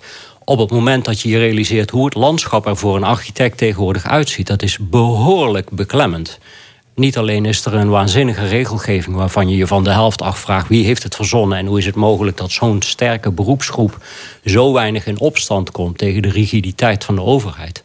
En tegelijkertijd is het steeds meer een vak geworden waarbij je uit de catalogus moet kiezen wat er te krijgen is, meer dan wat er gemaakt kan Ja. worden. Maar jij vond het nodig om die, om die architectuurwereld eens, goed aan te vallen. Dat is niet mijn bedoeling geweest. En je, eh, dat, dan ga je te veel uit van een soort stellingenoorlog. Ik had gewoon een antwoord gegeven op een vraag die ik mezelf stelde. Toen ik het plan zag van de gemeente, dacht ik: ik vind het echt heel erg slecht wat ik hier zie. Maar dan slecht in de zin van ehm, niet veel fantasie. Een hoop plekken waarvan ik dacht dat gaat niet goed. Ja. En dat ik ook dacht, het establishment in de intellectuele wereld en in de kunst heeft zich de afgelopen decennia geprofileerd in het hebben van kritiek. Als je dan zo'n flinke jongen bent, kom dan eens met een antwoord. En dat heb ik gewoon gedaan. En dat is typisch wat een kunstenaar doet. Die komt met een antwoord op een vraag die niet gesteld Ja. is. Je bent kunstenaar, hè? Eh, je hebt Ja. geëxposeerd in het Stedelijk Museum. Heb jij verstand van bouwtechniek en van constructie? Om En te dat beginnen, ja. Dat is eigenlijk eh, min of meer ontstaan uit het feit dat ik van nature... eh, ik was op mijn zestiende de jongste ge- meester edelsmed van Nederland. Ik denk in tektonica van huis uit. En het verschil tussen klein en groot is niet zo eh, opmerkelijk... als je de principes blijft hanteren. Ehm, maar bovendien denk ik dat architectuur in dit geval... ehm, laten we zeggen Architectuur is meer dan omhooggevallen bouwkunst. Het heeft heel erg veel te maken met het vermogen empathisch te zijn en te kijken wat er ergens komen komt, moet. En dat te, te, zeg maar, te correleren aan de functies die erin komen. Dat kan eigenlijk iedereen die nadenken kan. En daarmee wil ik het beroep niet bagatelliseren. Maar ik wil ook niet dat het zo is dat als je bouwkunde gestudeerd hebt... dat je dan een architect bent. Dat vind ik echt overdreven. Joost, je hebt eh, Michel vaak geïnterviewd voor dit boek. Hoeveel tassen cappuccino hebben jullie samen gedronken? Ja, ik dacht 70 en Michel gaat uit van 170. eh, dus het zit precies daartussenin. Ja. Ja. We hebben elkaar wel goed leren kennen. En Michel zei bij de presentatie van het boek... ik ben blij dat Joost niet alles wat ik heb verteld in het boek heeft gezet. Dus hij is uitermate discreet gebleven. Klopt. Ja. Had je invloed op eh, het eindresultaat? Ja, gelukkig wel. Dat was ook een voorwaarde. Ik weet dat eh, ik kan moeilijk eh, dingen verzwijgen. Dat is echt een, een probleem voor mij. Ik ben graag eerlijk. En eh, hij heeft mij dingen gevraagd. Die heb ik, weer, daar ben ik gewoon bij leeggelopen. En ik heb er ook last van gehad. Echt, echt last van gehad. Want soms, iedereen heeft in zijn leven eh, kisten die hij liever dicht laat. En ik was zo onverstandig. Of ja, het is gewoon een automatisme. Dat je daarin leegloopt. En toen ik dat naderhand las, toen vond ik dat zo droevig dat ik dat niet gepubliceerd Ja. heb. Vond je het lastig, Joost? Als Nee, schrijver, met, nee. heb je met pijn in het hart dingen Nou, er zijn, er schrappen? zijn een aantal scènes die heb ik moeten schrappen die mij zeer dierbaar waren. Maar het ging met name, ik moet zeggen dat Michel, eh, wat betreft het maankwartier zelf, eh, vrijwel niks eh, heeft gezegd. Dat is een taboe. Het ging meer om dingen in de persoonlijke sfeer, in de familiesfeer. Daar gaat het om. En wat betreft zijn kritiek op architectuur, nou ja, dat hoor je nu ook. Eh, dan neemt hij geen blad voor de mond. En eh, daarin is hij echt die autonome kunstenaar. En dat vond ik het interessante. Die, eh, die, die niks te maken wil hebben met allerlei machinaties. Met allerlei ja, politieke, diplomatieke dingen. hij formuleert uitstekend, zoals je ook nu kunt horen. maar ondertussen wel heel duidelijk. Ja, Michel heeft zijn plan gepresenteerd in de zomer van 2003 in een volle schouwburg in Heerlen. Ik, ik was daarbij. Je hebt toen een maquette gepresenteerd. Eh, het, het maandkwartier van nu, eh, lijkt die nog op die in elkaar geklutselde maquette van, van, van toen? Ja, dat is misschien wel een van de verrassendste reacties die ik krijg van architecten. Want er zijn er inmiddels heel veel die er met veel waardering naar komen kijken. En die zich erin verdiepen, die vinden ook dat het, eh, de overeenkomst tussen wat er gebouwd is en wat er in eerste aanleg is ontworpen, die is erg groot. Die is verrassend groot. Vooral omdat het in eerste lijn een stedenbouwkundig concept is met een hele zware eh, architectonische envelop. Je weet in het algemeen bestaan stedenbouwkundige plannen uit blokjes piepschuim. Of eh, als het om een projectontwikkelaar gaat van esdoorn hout met plexiglas van onderaf aan belicht. Maar je krijgt nooit duidelijkheid voor wat voor promesse er eigenlijk in zit van architectuur. En dat heb ik vanaf dag één wel gedaan. En dat maakte het ook zo lastig, omdat iedereen meteen dacht dat gaat duur worden. Maar dat is uiteindelijk reuze meegevallen. Ja, wie de maquette wil zien, hij staat volgens mij in de etalage van de boekhandel in Heerlen. Dat is de tweede maquette. Oh, is dat de tweede? Ja, Ja, er is in ik zag 2000 in 2005 is er nog iets Ah. grotere gemaakt. Maar eh, die, die klonden grote lijnen wel overeen. Maar de eerste bestaat ook nog. Die bestaat nog. Joost, je schrijft in je boek... de voormalige kolenhoofdstad heeft zichzelf door sloop en wansmaak kapot gebombardeerd. Als één stad een elektroshock nodig had, was het Heerlen wel. Ja, inderdaad. Licht eens toe. Ja goed, eh, Rotterdam is letterlijk gebombardeerd. En eh, die stad wordt ook wel eens vergeleken met Heerlen of Heerlen met Rotterdam. Eh, en in Heerlen is natuurlijk eh, na die glorieuze mijntijd een totale paniek ontstaan. Eh, men heeft ge- gedacht, ja, hoe moeten wij nu nog het bestaan van die stad rechtvaardigen? En toen heeft men heel erg ingezet op Heerlen koopstad. En dat werkte op korte termijn ook nog vrij aardig. Want de Duitsers en de Belgen die nu eh, op, eh, op eh, feestdagen voor de, voor de poorten van Maastricht staan... die kwamen toen allemaal naar Heerlen tot de jaren negentig. Maar door niet voor kwaliteit te gaan en hele grote winkels te maken... met hele lelijke luifels en trespa... eh, heeft de stad zich uiteindelijk uitgehold. Eh, je kunt het een tijdje volhouden, maar als je geen kwaliteit biedt... dan ga je uiteindelijk onderuit.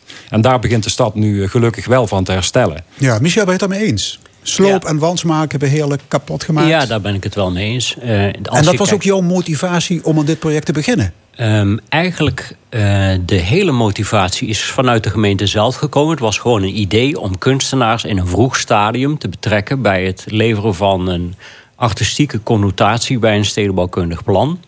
En dat was ook de reden waarom ik de eerste keer weggelopen ben. Omdat ik vind dat de overheid, maar eigenlijk ook de kleine overheid, steeds meer gebruik maakt van kunst als een soort appendix op zo'n sociaal-economische realiteit. Alsof eh, cultuur en kunst. een los van elkaar zijn komen te staan. Dat is al decennia zo. Een soort verguld eiland dat ieder jaar opnieuw verguld wordt. Maar als je bouwt, dan is dat cultuur. En als je dan niet van meet af aan in alles dat representeert... maar naderhand zegt, nou, dan zetten we er nog een bronzen drol in... en dan hebben we toch iets artistieks gedaan. Dat is iets waar ik voor wilde bedanken. Dat is eigenlijk de aanleiding geweest. En de eerste keer ben ik kwaad weggelopen, zoals je in het boek kan lezen. En daarna heb ik gedacht, eh, je moet die woede omzetten in een ander soort energie. Je moet komen met antwoorden. En dat is, geloof ik, denk ik ook de taak voor... eh, en dat is ook wat je ziet gebeuren, mondiaal... dat kunstenaars hun eh, aandachtsgebied verleggen... van de ivoren toren van de zelfreflectie... en eh, een innerlijk leven dat naar buiten komt...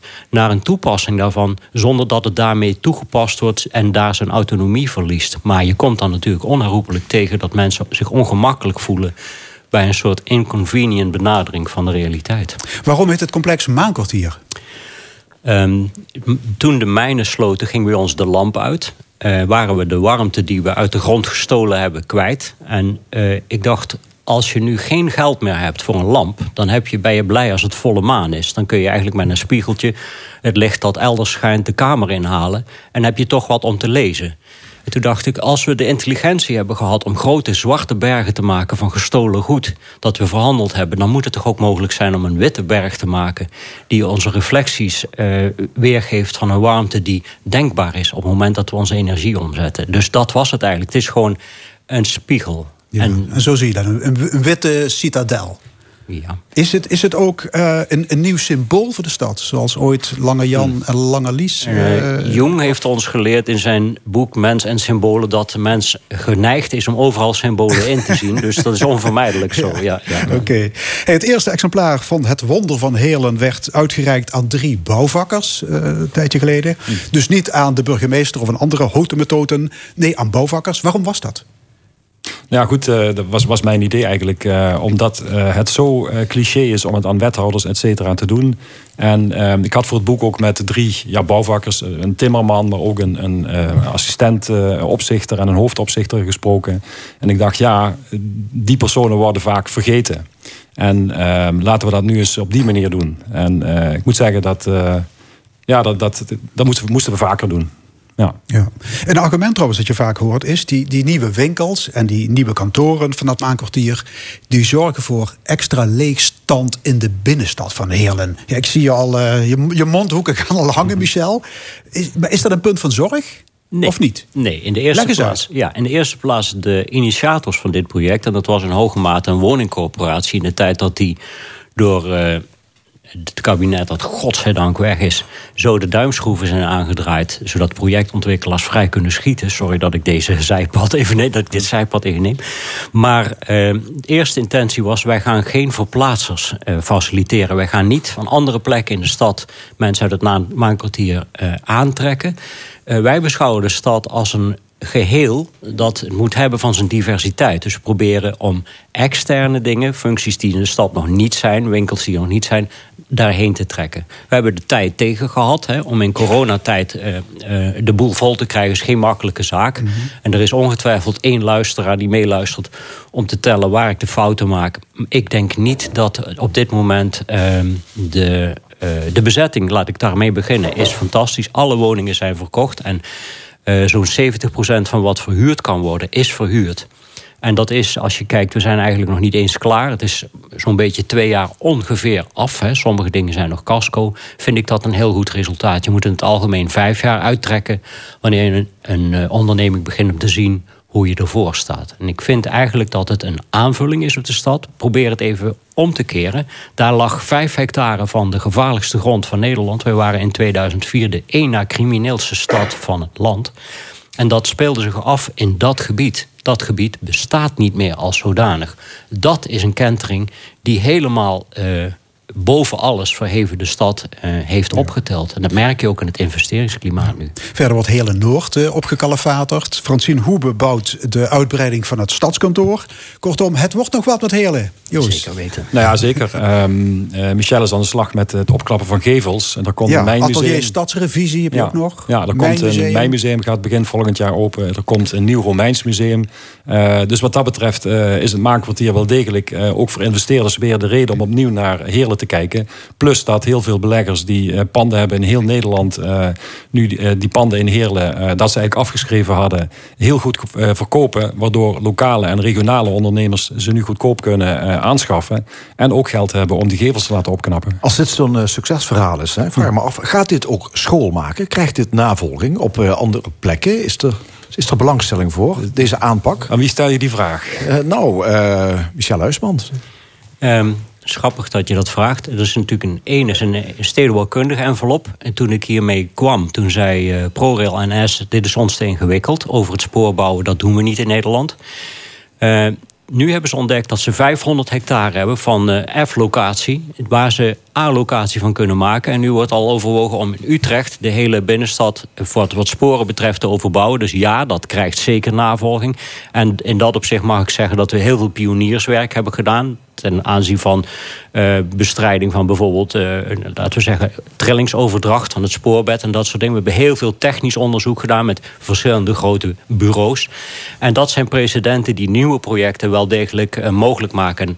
Als ik zie hoeveel architecten nu met fototoestellen door dat plan lopen, dan denk ik, nou jawel. En ik zie zelfs al hier en daar projecten die er erg op lijken. Ja. Ja, zijn er ook collega-kunstenaars die eh, daar willen instappen? Mm, Dat weet ik niet. Ik moet eerlijk zeggen, ik leef op het ogenblik een beetje in een soort eh, ondergrondse toestand. Ik heb het vreselijk veel te druk. Dus dat, dat onttrekt zich aan mijn waarneming. Oké, de grote opening van het maankwartier is gepland in 2022. Wie mag straks het lint, het, het lint doorknippen? Michel? Ik heb geen idee. Oké, wordt aan gewerkt. Hartelijk dank Michel Huisman en Joos Philippens. Het boek Het Wonder van Heerlen is een uitgave van Boom. En zometeen hier in de stemming columniste Rezi Kouwmans. Maar eerst muziek van Lucas Graham. Seven Years.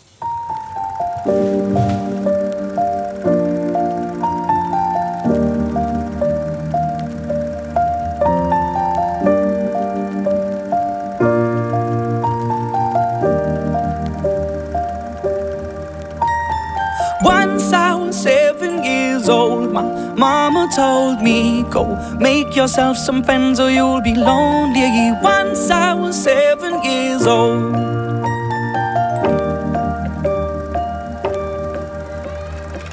It was a big, big world, but we thought we were bigger. Pushing each other to the limits, we were learning quicker. By 11, smoking herb and drinking burning liquor. Never rich, so we were out to make that steady figure. Once I was 11 years old, my told me, Go get yourself a wife, or you'll be lonely. Once I was 11 years old.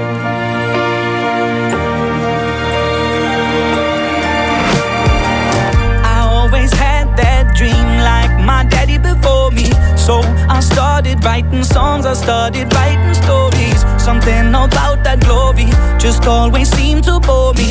Cause only those I really love will ever really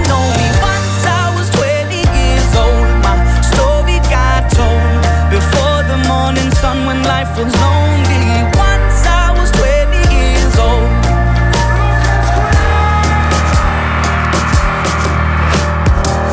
I only see my goals. I don't believe in failure. Cause I know the smallest voices, they can make it major.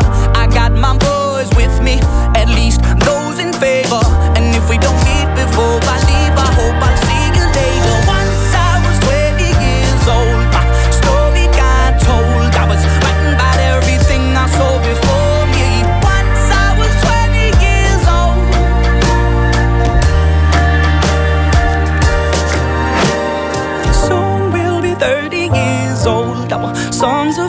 sold. We've traveled around the world and we're still roaming. Soon we'll be 30 years old.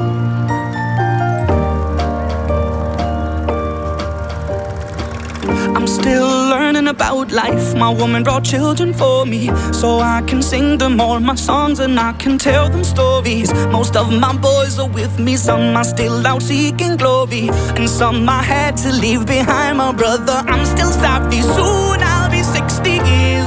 My daddy got 61. Remember life, and then your life becomes a better one. I made a man so happy when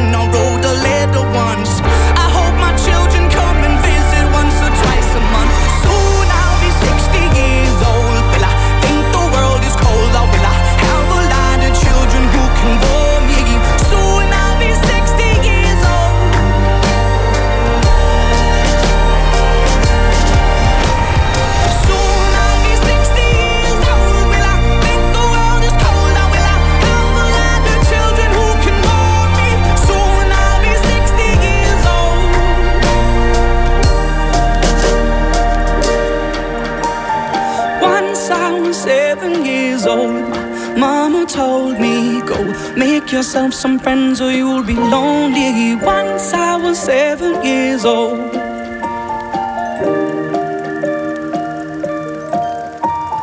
Once I was seven years old. De column. Vandaag met Rezi Kouwmans. Beste meneer Frank eh, Wassenberg van de Partij voor de Dieren. Misschien moet Geer nu maar even de oren toehaaien, want dit werd geen leuk verhaal. Of misschien juist wel, want ik heb namelijk een vraag. Wat is er met ons doeven aan de hand? Luister, van de week landde er een bovenop mijn zonnescherm. Of ja, landje. Ze viel eigenlijk gewoon van het dak af. En, en toen zat ze op dat scherm en een klein van mij zei toen... Ja, dat beest weg, want je schiet toch dadelijk dat ganse scherm onder. Dus ik een stek gepakt van onderoet tegen dat scherm aanduwen. Maar die doef, die bleef gewoon zitten. Weet ze wat, zei ik. Ik draai dat scherm gewoon in. Kijk, dan moet ze er wel af. En aangezien het een elektrisch scherm is, moest ik even naar binnen. En terwijl dat scherm omhoog ging, hoor je ineens boeten. Rees, rees, draai terug, die doef zit ertussen. Ik dat scherm weer naar honger en met een plof viel die doef op een grondje. Alle veren van dit beestje vlogen in het rondje. Ze had geen stert meer, och germkes. Ze was geringd, dus we hebben de eigenaar in Volendam kunnen bereiken. Maar hij vond het zien maar niet te meute werd om haar te komen halen. We hebben er toen in een deusje gedaan en naar de plaatselijke doevenmelker gebracht. En ondertussen voel ik mezelf gewoon hetzelfde als die doef op mijn scherm. Zwaar ertussen gepakt en vleugelaam gemaakt. Want leef loestereers. Dit zou zomaar eens een van de laatste openbare optredens van mij kunnen zijn. Zeer waarschijnlijk zal ik mich moeten opsluiten in mijn eigen huis. Want ik weiger namelijk om me straks overal te moeten laten scannen en identificeren met een app op mijn telefoon. Ik ben het zat. Dit is echt de druppel. Natuurlijk ben ik al jaren niet meer vrij. Kijk, op weg van hier naar Maastricht ben ik zeker al tien keer op beeld gezet door een kindteken registrerende camera, zodat de belasting straks kunt nagaan of ik ook wel werkelijk op zondagmorgen zo vroeg op weg was naar mijn werk met mijn bedrijfsauto. En dan over die banken nog maar te zwiegen. De Rabobank heeft er filiaal in Remeun gewoon gesloten. Waardoor dat er nu nog maar drie apparaten in de stad zijn... waar ik mijn omzet in kan afstorten. Waarvan twee ook nog in de boete lag. Stijse door. En vervolgens zijn die dus altijd vol. Zodat ik helemaal naar Heidse moet rijden. In de hoop dat het toch wel lukt. En dan kost ik dat ook nog eens 7,50. 7,50 euro om mijn eigen geld op mijn eigen rekening te krijgen. Dat is toch niet normaal? Maar hey, Loester, du hoeft niet met de auto te rijden. Je kunt toch ook zelf een pinautomaat aanschaffen. Camera's zijn voor die eigen veiligheid en contant geld is alleen maar lastig. Pinnen is voor die eigen gemaak. En dat ze straks ook nog niet eens maar een mik bij de bekker kunt zonder een QR-code, is gewoon de consequentie van die eigen vrije keuze. Toch? Loester, die doef, je ook gewoon weg kunnen vliegen. Maar ze heeft het helaas niet overleefd. We zijn toe aan het uh, discussiepanel van De Stemming. En dat bespreekt in het oogspringende actualiteiten. Vandaag over het transparantiegehalte van gouverneur Remkes... de verontwaardiging van boeren en de handelwijze van Raymond Knops. Ik heet van harte welkom duurzaamheidsspecialist Terza Hoeben... comedienne, kastelein en columnist Rezi Koumans... en communicatieadviseur Loek Hustings. Ja, uh, waarnemend gouverneur Johan Remkes uh, die ligt onder vuur omdat hij DSM een bijdrage had toegezegd voor de verhuizing van het hoofdkantoor naar Maastricht. Het vorige provinciebestuur had nog gezegd dat daar geen sprake van kon zijn, maar Remkes heeft dat ja, dus eigenhandig veranderd, dat standpunt. Loek, waarom zou Remkes zijn teruggekomen op uh, die conclusie van het vorige college? Het zou misschien, misschien wel eens mee te maken kunnen hebben dat uh, Remkes, zeker als buitenstaander, zich nog beter dan wij hier in de provincie realiseert wat de betekenis van zo'n hoofdkantoor is voor een provincie als Limburg. En dan is het natuurlijk ontzettend spijtig dat Heerlen dat fantastische instituut verliest. Maar als je dan de keuze hebt om dat instituut of naar de Randstad te zien verdwijnen... of toch met een kleine bijdrage voor Limburg te behouden... dan vind ik dat een uitstekende afweging. En vind ik dat de man er zeer geprezen moet worden... dat hij um, uh, deze um, goede blikken achteraf... al die commoties die ontstaan, is allemaal niet nodig geweest van DSM... heeft achteraf gezegd, we hebben dat geld niet nodig... Nou, daar was ook voldoende kritiek op geweest. Dat je met zo'n enorme omzet en zo'n geweldige winst. Eh, van een armlastige provincie, bij wijze van spreken, nog een paar cent nodig hebt. om eh, je verhuizing te betalen. Maar goed, dat is op zijn pootjes terechtgekomen. Maar ik begrijp dus Remkes overweging zeer wel. Ja, dus een goede zet van, uh, van Remkes ehm, dat hij dit gedaan heeft. Ja, ja, goede zet, kun je dat zo zeggen? Ik weet het niet. Ik heb eigenlijk met het hele onderwerp niks. Dat moet ik heel eerlijk zeggen. ja, en uh, over Remkes kun je heel veel andere dingen ook nog zeggen. Dat hij bij de verkeerde partij zit of zo. Dus het, zal, uh, het zal ergens best uh, zijn reeën hebben. Ik hoor Loek nu dit zeggen. En nou ja, prima dat DSM achteraf heeft gezegd... we hoeven ook geen geld... En over het sentiment dat het van Heerlen naar Maastricht gaat... kan ik ook niks over zeggen, want ik ben uit Roermond. Dus, ja, ja, ja. Ja, Oké. wat zijn 40 kilometer, hè? Als je in Amerika woont, is dat een kattensprong. Ja. Ja. Ja. Provinciale Staten neemt het Remkes vooral kwalijk dat hij eh, niet gezegd heeft eh, tijdens de bespreking dat het vorige college dus daar geen geld in wilde steken. Hè? Dat ze daar niet van plan waren. Eh Teresa, is, ja, is dat dan. Ja, kan dat dan? Dat je als waarnemend gouverneur op het moment dat er geen andere gedeputeerden zijn, dat je dan terugkomt op zo'n besluit? Uh, allereerst, hè, het is natuurlijk, meneer Remkes is ook gedeputeerde staten toen tijd. Nu is er nu natuurlijk een nieuw college, dus, uh, of een nieuw gedeputeerde hij, staten. Hij was de enige bestuurder. Dus hij was ook gedeputeerde staten. En wat ik eigenlijk begrijp als ik gewoon de stukken nalees en, en uh, toen ik dit voorbereidde, hè, er is geen harde toe, uitspraak gedaan en vastgelegd door het voormalige gedeputeerde staten. En hij heeft namens GS gewoon heel duidelijk uitgesproken. Ik zag nog ook beantwoordingen op schriftelijke vragen. Uh, in, in de krant staan op SP volgens mij. Waarvan hij heel duidelijk aangaf: uh, joh, ik zal alles op alles zetten om DSM voor Limburg te behouden. Het feit was blijkbaar dat het onbespreekbaar was om het in Heerlen te houden. Althans, DSM heeft die deur dichtgesloten. Nou, dan snap ik dat bestuurders van Limburg ja, alles op alles zetten om zo'n groot bedrijf hier te houden. Maar eigenlijk vind ik de discussie, en het verbaast me dat die niet is gevoerd in de Staten, dat ze eerder gaan kijken van hoe is het mogelijk dat grote equitybedrijven, grote multinationals, overheden bewust tegen elkaar uitspelen en daarbij ook nog eens flinke graai in onze kas doen door middel van subsidies af te. Want laten we eerlijk zijn, 1,7 miljoen voor de provincie en voor Maastricht nog een keer. Dat is natuurlijk peanuts voor een bedrijf van DSM. Het is bijna beledigend hoe zij te werk gaan. En wij vinden dat blijkbaar prima. In plaats van dat we nou eens bestuurders de kop op de hakblok leggen elke keer, laten we nou eens met z'n allen gaan discussiëren. Vinden wij het blijkbaar prima dat grote equitybedrijven bewust overheden tegen elkaar uitspelen. Ja, maar die overheid Chanteren wilde. de- eigenlijk. Chanteren, ja. Nou, gedeputeerde staten hebben dus gezegd: dat doen wij niet.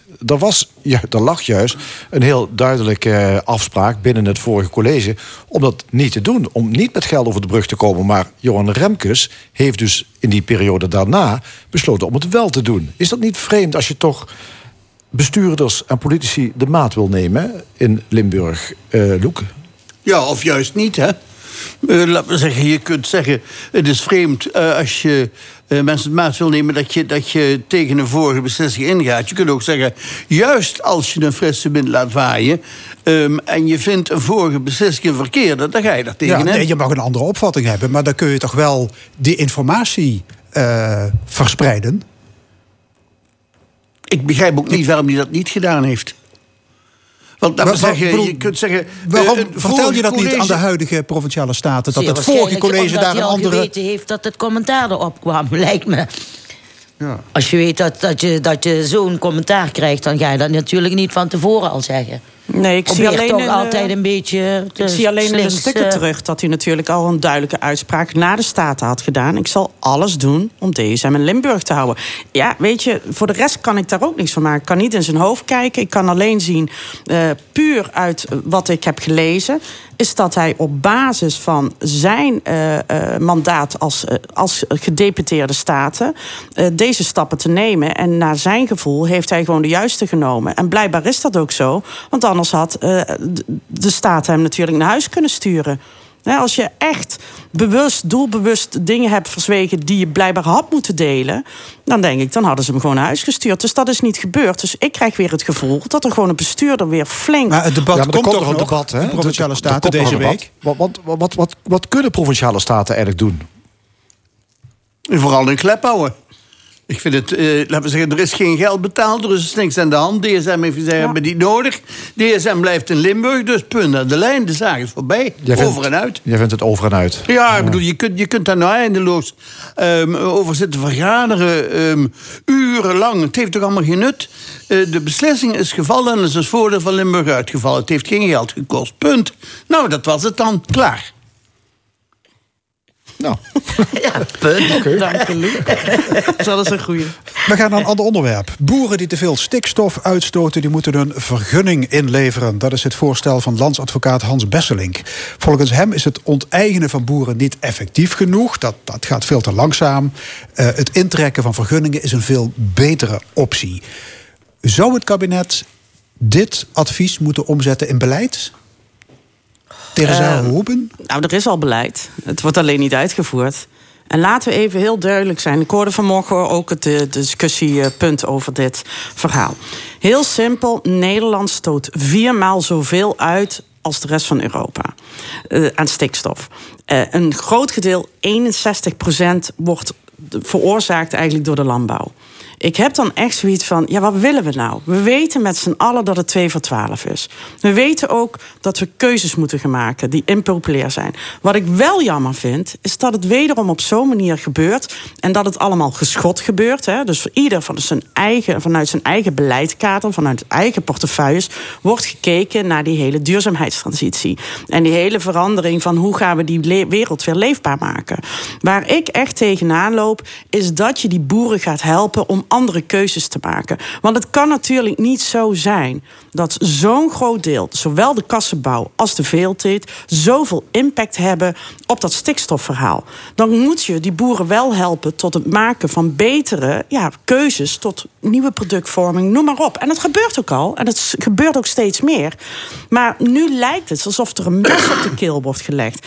Ik heb echt zoiets van: het beleid is er al. En zorg nou samen met die boeren dat je goed gaat nadenken. Welke stappen moeten we nou gaan nemen om tot nieuwe vormen in de landbouw te komen? Want feit is, we hebben te veel koeien, te veel kippen, te veel varkens. We hebben te veel kassen.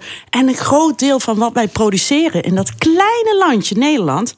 En luister wel, wij zijn de tweede grote exporteur in landbouw in de wereld. Eén is Amerika. Daarna mini kleine landje Nederland. En het grootste gedeelte van onze export is dus vlees en de sierteelt. Dan gaat er toch iets mis.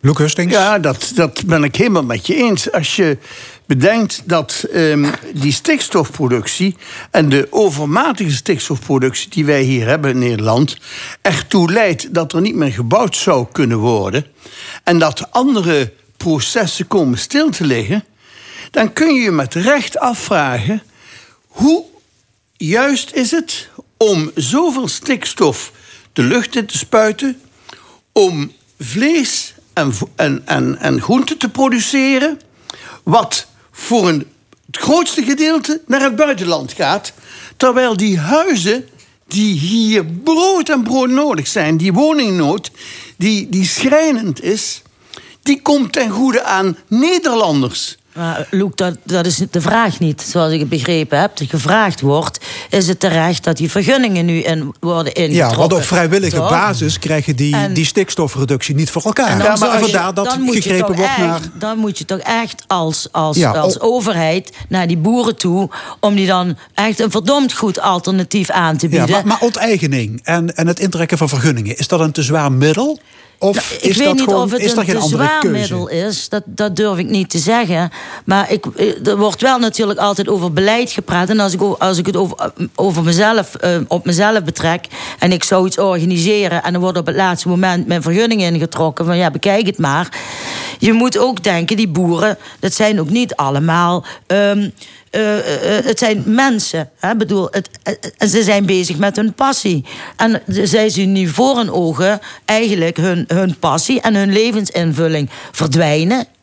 Dat maak je niet goed met geld. Ze kunnen mij morgen vijf ton voor mijn café bieden. En dan denk ik, ja, en wat moet ik dan daarna? En dat is wat jij zegt, Tirza. Je moet dan die mensen wel een goed alternatief bieden. Van wat kun je, wat kun je dan nog, ook met je passie. En dan is het wel gerechtvaardigd. Dan zou het gerechtvaardigd kunnen zijn. Maar niet zomaar intrekken en onteigenen. En dan zeggen: bekijk het maar, boer. Eh, hier heb je een paar miljoen en dan, en dan leef je maar van. Want hij leeft niet alleen voor het geld, hij leeft ook voor zijn passie. Ja, maar er moet, er moet linksom of rechtsom toch iets gebeuren, hè?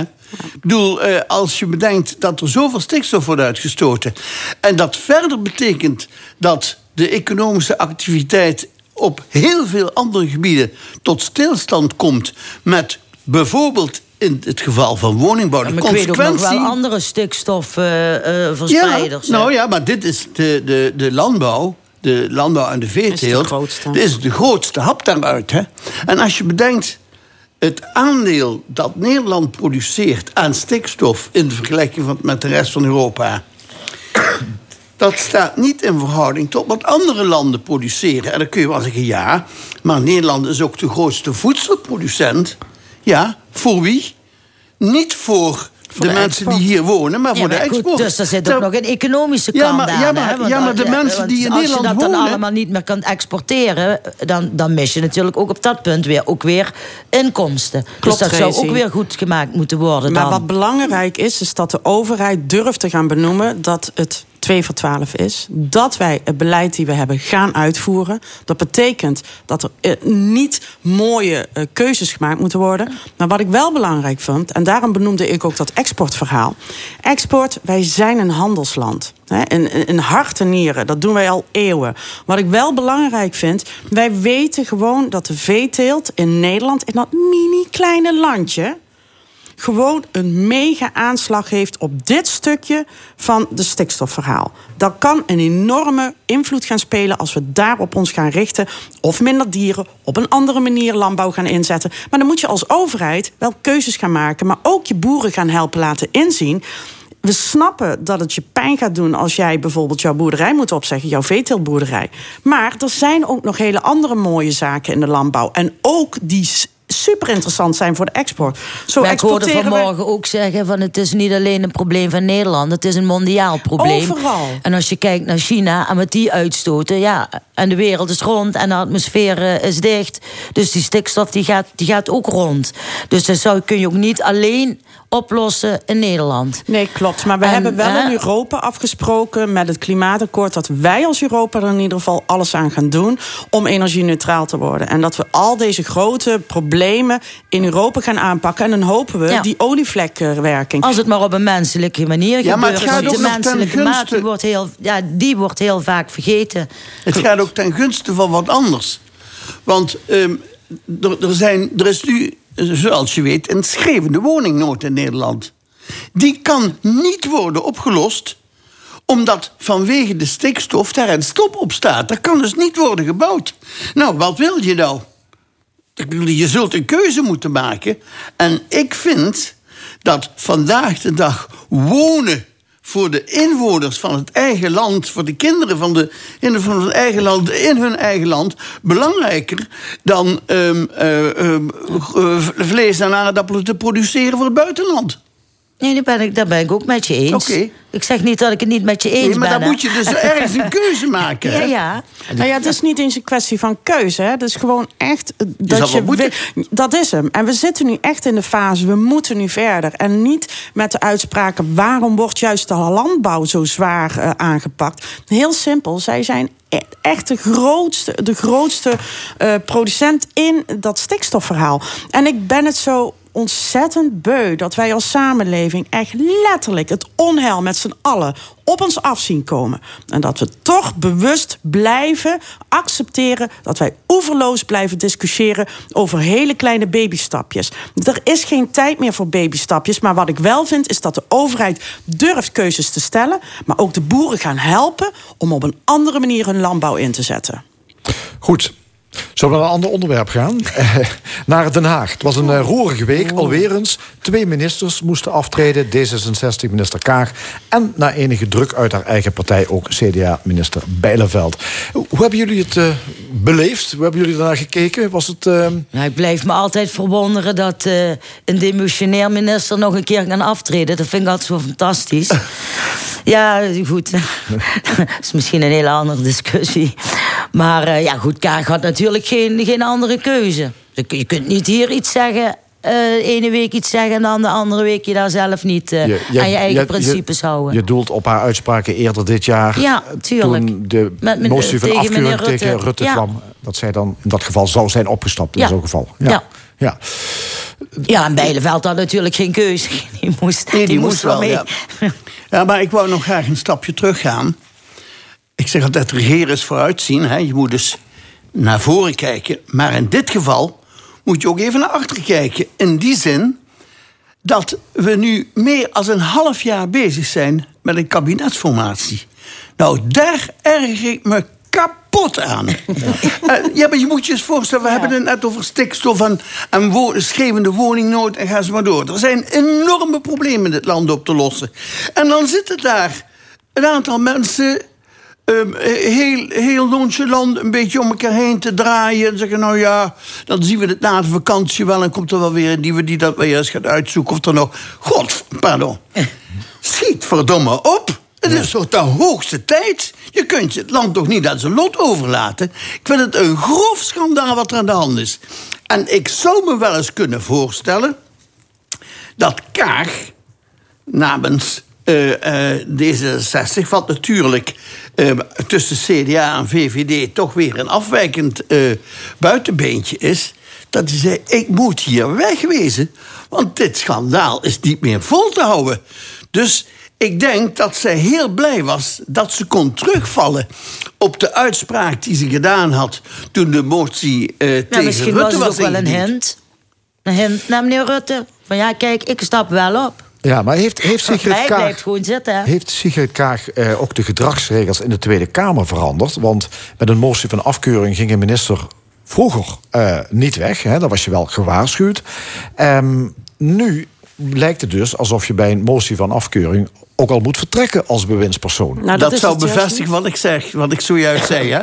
Dat ze zegt, ik moet hier wegwezen, want ik kan dat niet meer goed. Ik kan niet meer in het kabinet blijven zitten, wat zo aanklooit en, en het ja, niet Ah. serieus neemt. Nou, het is zorgwekkend eigenlijk wat er gebeurt. Hè. Aan de ene kant eh, hoor ik van iedereen eh, hoe stoer en hoe goed ze het van haar vinden. En dat ze ook niet anders kon. In het verleden en tot op heden was ik van mening dat dit een tik op de vinger van een bestuurder is. Waar gaan we naartoe met die nieuwe beleidscultuur? Of met die nieuwe politieke cultuur? Of de manier hoe je met elkaar omgaat? Dat ministers letterlijk voor één kleine stap nu al hun zetels moeten afgeven... of hun hele, hele portefeuilles moeten afgeven en af gaan treden... dan heb ik echt zoiets dat wordt onwerkbaar. Dat is ook helemaal niet de opzet van een eh, motie van eh, afkeuring. En wat ik dan ook niet begrijp is dat Bijleveld daarin meegaat. En dan zegt iedereen, ja, ze kan niet anders. Jawel, ze had gewoon voet bij stuk blijven ze- moeten staan en tegen haar partij moeten zeggen: als wij meegaan in deze waanzin, en dan kun je goed gaan nadenken waarom heeft Kaag dat dan wel gedaan. Ik sluit me denk ik iets meer aan aan de uitspraak van Loek. Dat dat denk ik wel een heel strategisch plan achter zit. Maar ik vind het zorgelijk. En dat laat me precies zien dat er niks in Den Haag verandert. En dat iedereen hun spelletjes heel doelbewust speelt. En het volk heeft het kijken naar. En de urgentie om nu echt eens eindelijk met de problemen van onze samenleving aan de slag te gaan. eh, Blijkbaar boeit het heel Den Haag niet. Dus de hysterie speelt... eh, Ja, ik geloof dat er altijd hele strategieën achter Ja, zitten. welk- en en welk proef je nu ook. Welk voordeel heeft Sigrid Kaag nu ze afgetreden is als minister eh, aan de onderhandelingstafel voor een nieuw kabinet? Ja, volgens mij kan ze nu nog meer eisen. Ja. Denk ik. Ja, want ze heeft nu verder of, eh, geen... En de vraag is of ze dat ook wil, hè? nieuw vormen kabinet. Begin maar met een minderheidskabinet. En dan heeft iedereen toegang om alles te kunnen openbreken wat ze willen. Dus ik denk dat ze gebaat zijn bij het feit dat ze gewoon eh, zeggen... nou jongens, gaan jullie het dan maar doen in een minderheidskabinet. En wij gaan wel aan de andere kant van de tafel met al die andere partijen. En elke keer als jullie iets willen, moeten jullie naar ons terugkomen. Ik denk dat het slimmer is. Eh, Ik, ik weet niet wat, wat, wat, wat precies de strategie is. Maar het is wel wat Luke zegt. Ik zou heel voorzichtig zijn in deze formatie... en mijn vingers er niet zo snel aan branden... om te formeren met een eh, kabinet en een voortzetting zoals met Rutte 3. Maar er komt nog iets anders bij. Ik vind, als je nu kijkt hè, wat, ehm, eh, naar, naar de persoon van Kaag zelf... dat is toch wel een kring, hè? Moet je je voorstellen wat hij daar toch flikt afgelopen week... met die ha- schoolvlezing. Loek, we gaan niet op de persoon eh, afrekenen. Hè? We zijn hard op de inhoud en zacht op de persoon. Ja, dat is prachtig. Maar zo gebeurt het dus niet. Nee. Maar dan kan, kan ik nog wel andere mensen afrekenen. Want eh, onze demissionaire premier heeft toen het kabinet demissionair werd gezegd... zo, nou heb ik nog meer macht. Nee, dat is lekker. Goed, ik wil tot slot naar onze staatssecretaris Remo Knops. Want die heeft een legertje ambtenaren ingeschakeld... naar publicaties in de Limburger en de NRC... over een bepaalde grondaankoop. Eh, in 2010 kocht Knops een perceel in Hegelsom... in het kader van de ruimte voor ruimteregeling. En wat bleek, hij kreeg meer vierkante meter... dan hij bij de notaris had afgerekend. Tientallen ambtenaren gingen voor Knops aan de slag... om hem uit de penarie te helpen bij deze privé-kwestie. Wat vinden jullie daarvan? Nou ja, als ik eigenlijk heel plat naar de stukken kijk. Dus even niet naar de kranten, maar gewoon echt even ingedoken heb in de stukken. En de reden van het BZK om een onafhankelijk onderzoek in te stellen of er inderdaad een integriteitskwestie is, die snap ik helemaal. Dus dat deel dat die ambtenaren aan de slag zijn gegaan om dit uit te zoeken, dat stuk van het verhaal snap ik geheel. Wat ik niet begrijp is dat ze ook nog met een communicatiestrategie zijn gekomen. Dat ruikt naar iets anders. Dan ben je op een heel ander level uh, bezig met zo'n verhaal. Dat onderzoek had ik ook gedaan op BZK. En ik verdorie, ik wil wel weten of er een integriteits... En dan had ik ook wat tien mannetjes opgezet.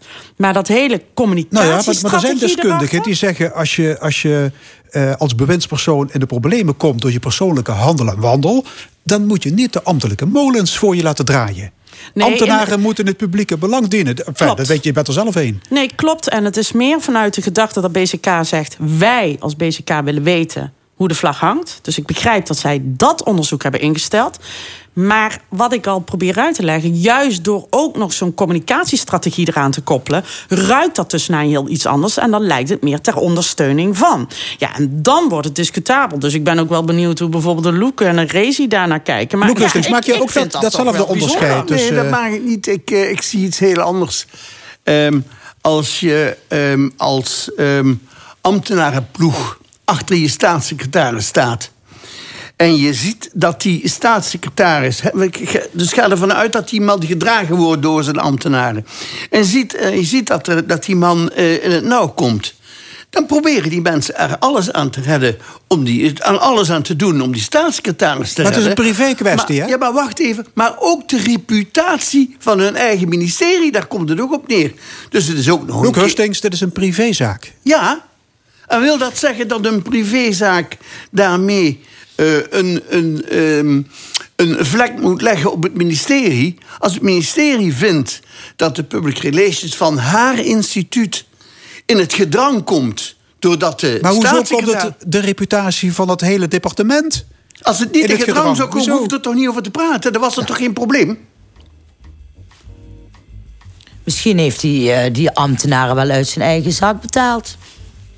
Nou, dat weet ik wel zeker van niet. Maar goed, als topambtenaar moet je stevig in je schoenen staan... om tegen de staatssecretaris te zeggen... zoek dit maar lekker zelf uit.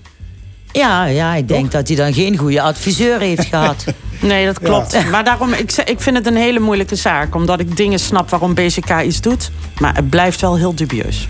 Hartelijk dank, discussiepanel Terza Hoeben, Rezi Komans, Lucas Stinks.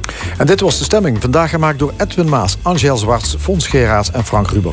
Graag tot volgende week zondag, dan zijn we er weer om 11 uur op deze zender. En dit programma wordt herhaald maandagavond om 8 uur en is ook te beluisteren via onze website l1.nl en via podcast. Ik wens u nog een mooie zondag.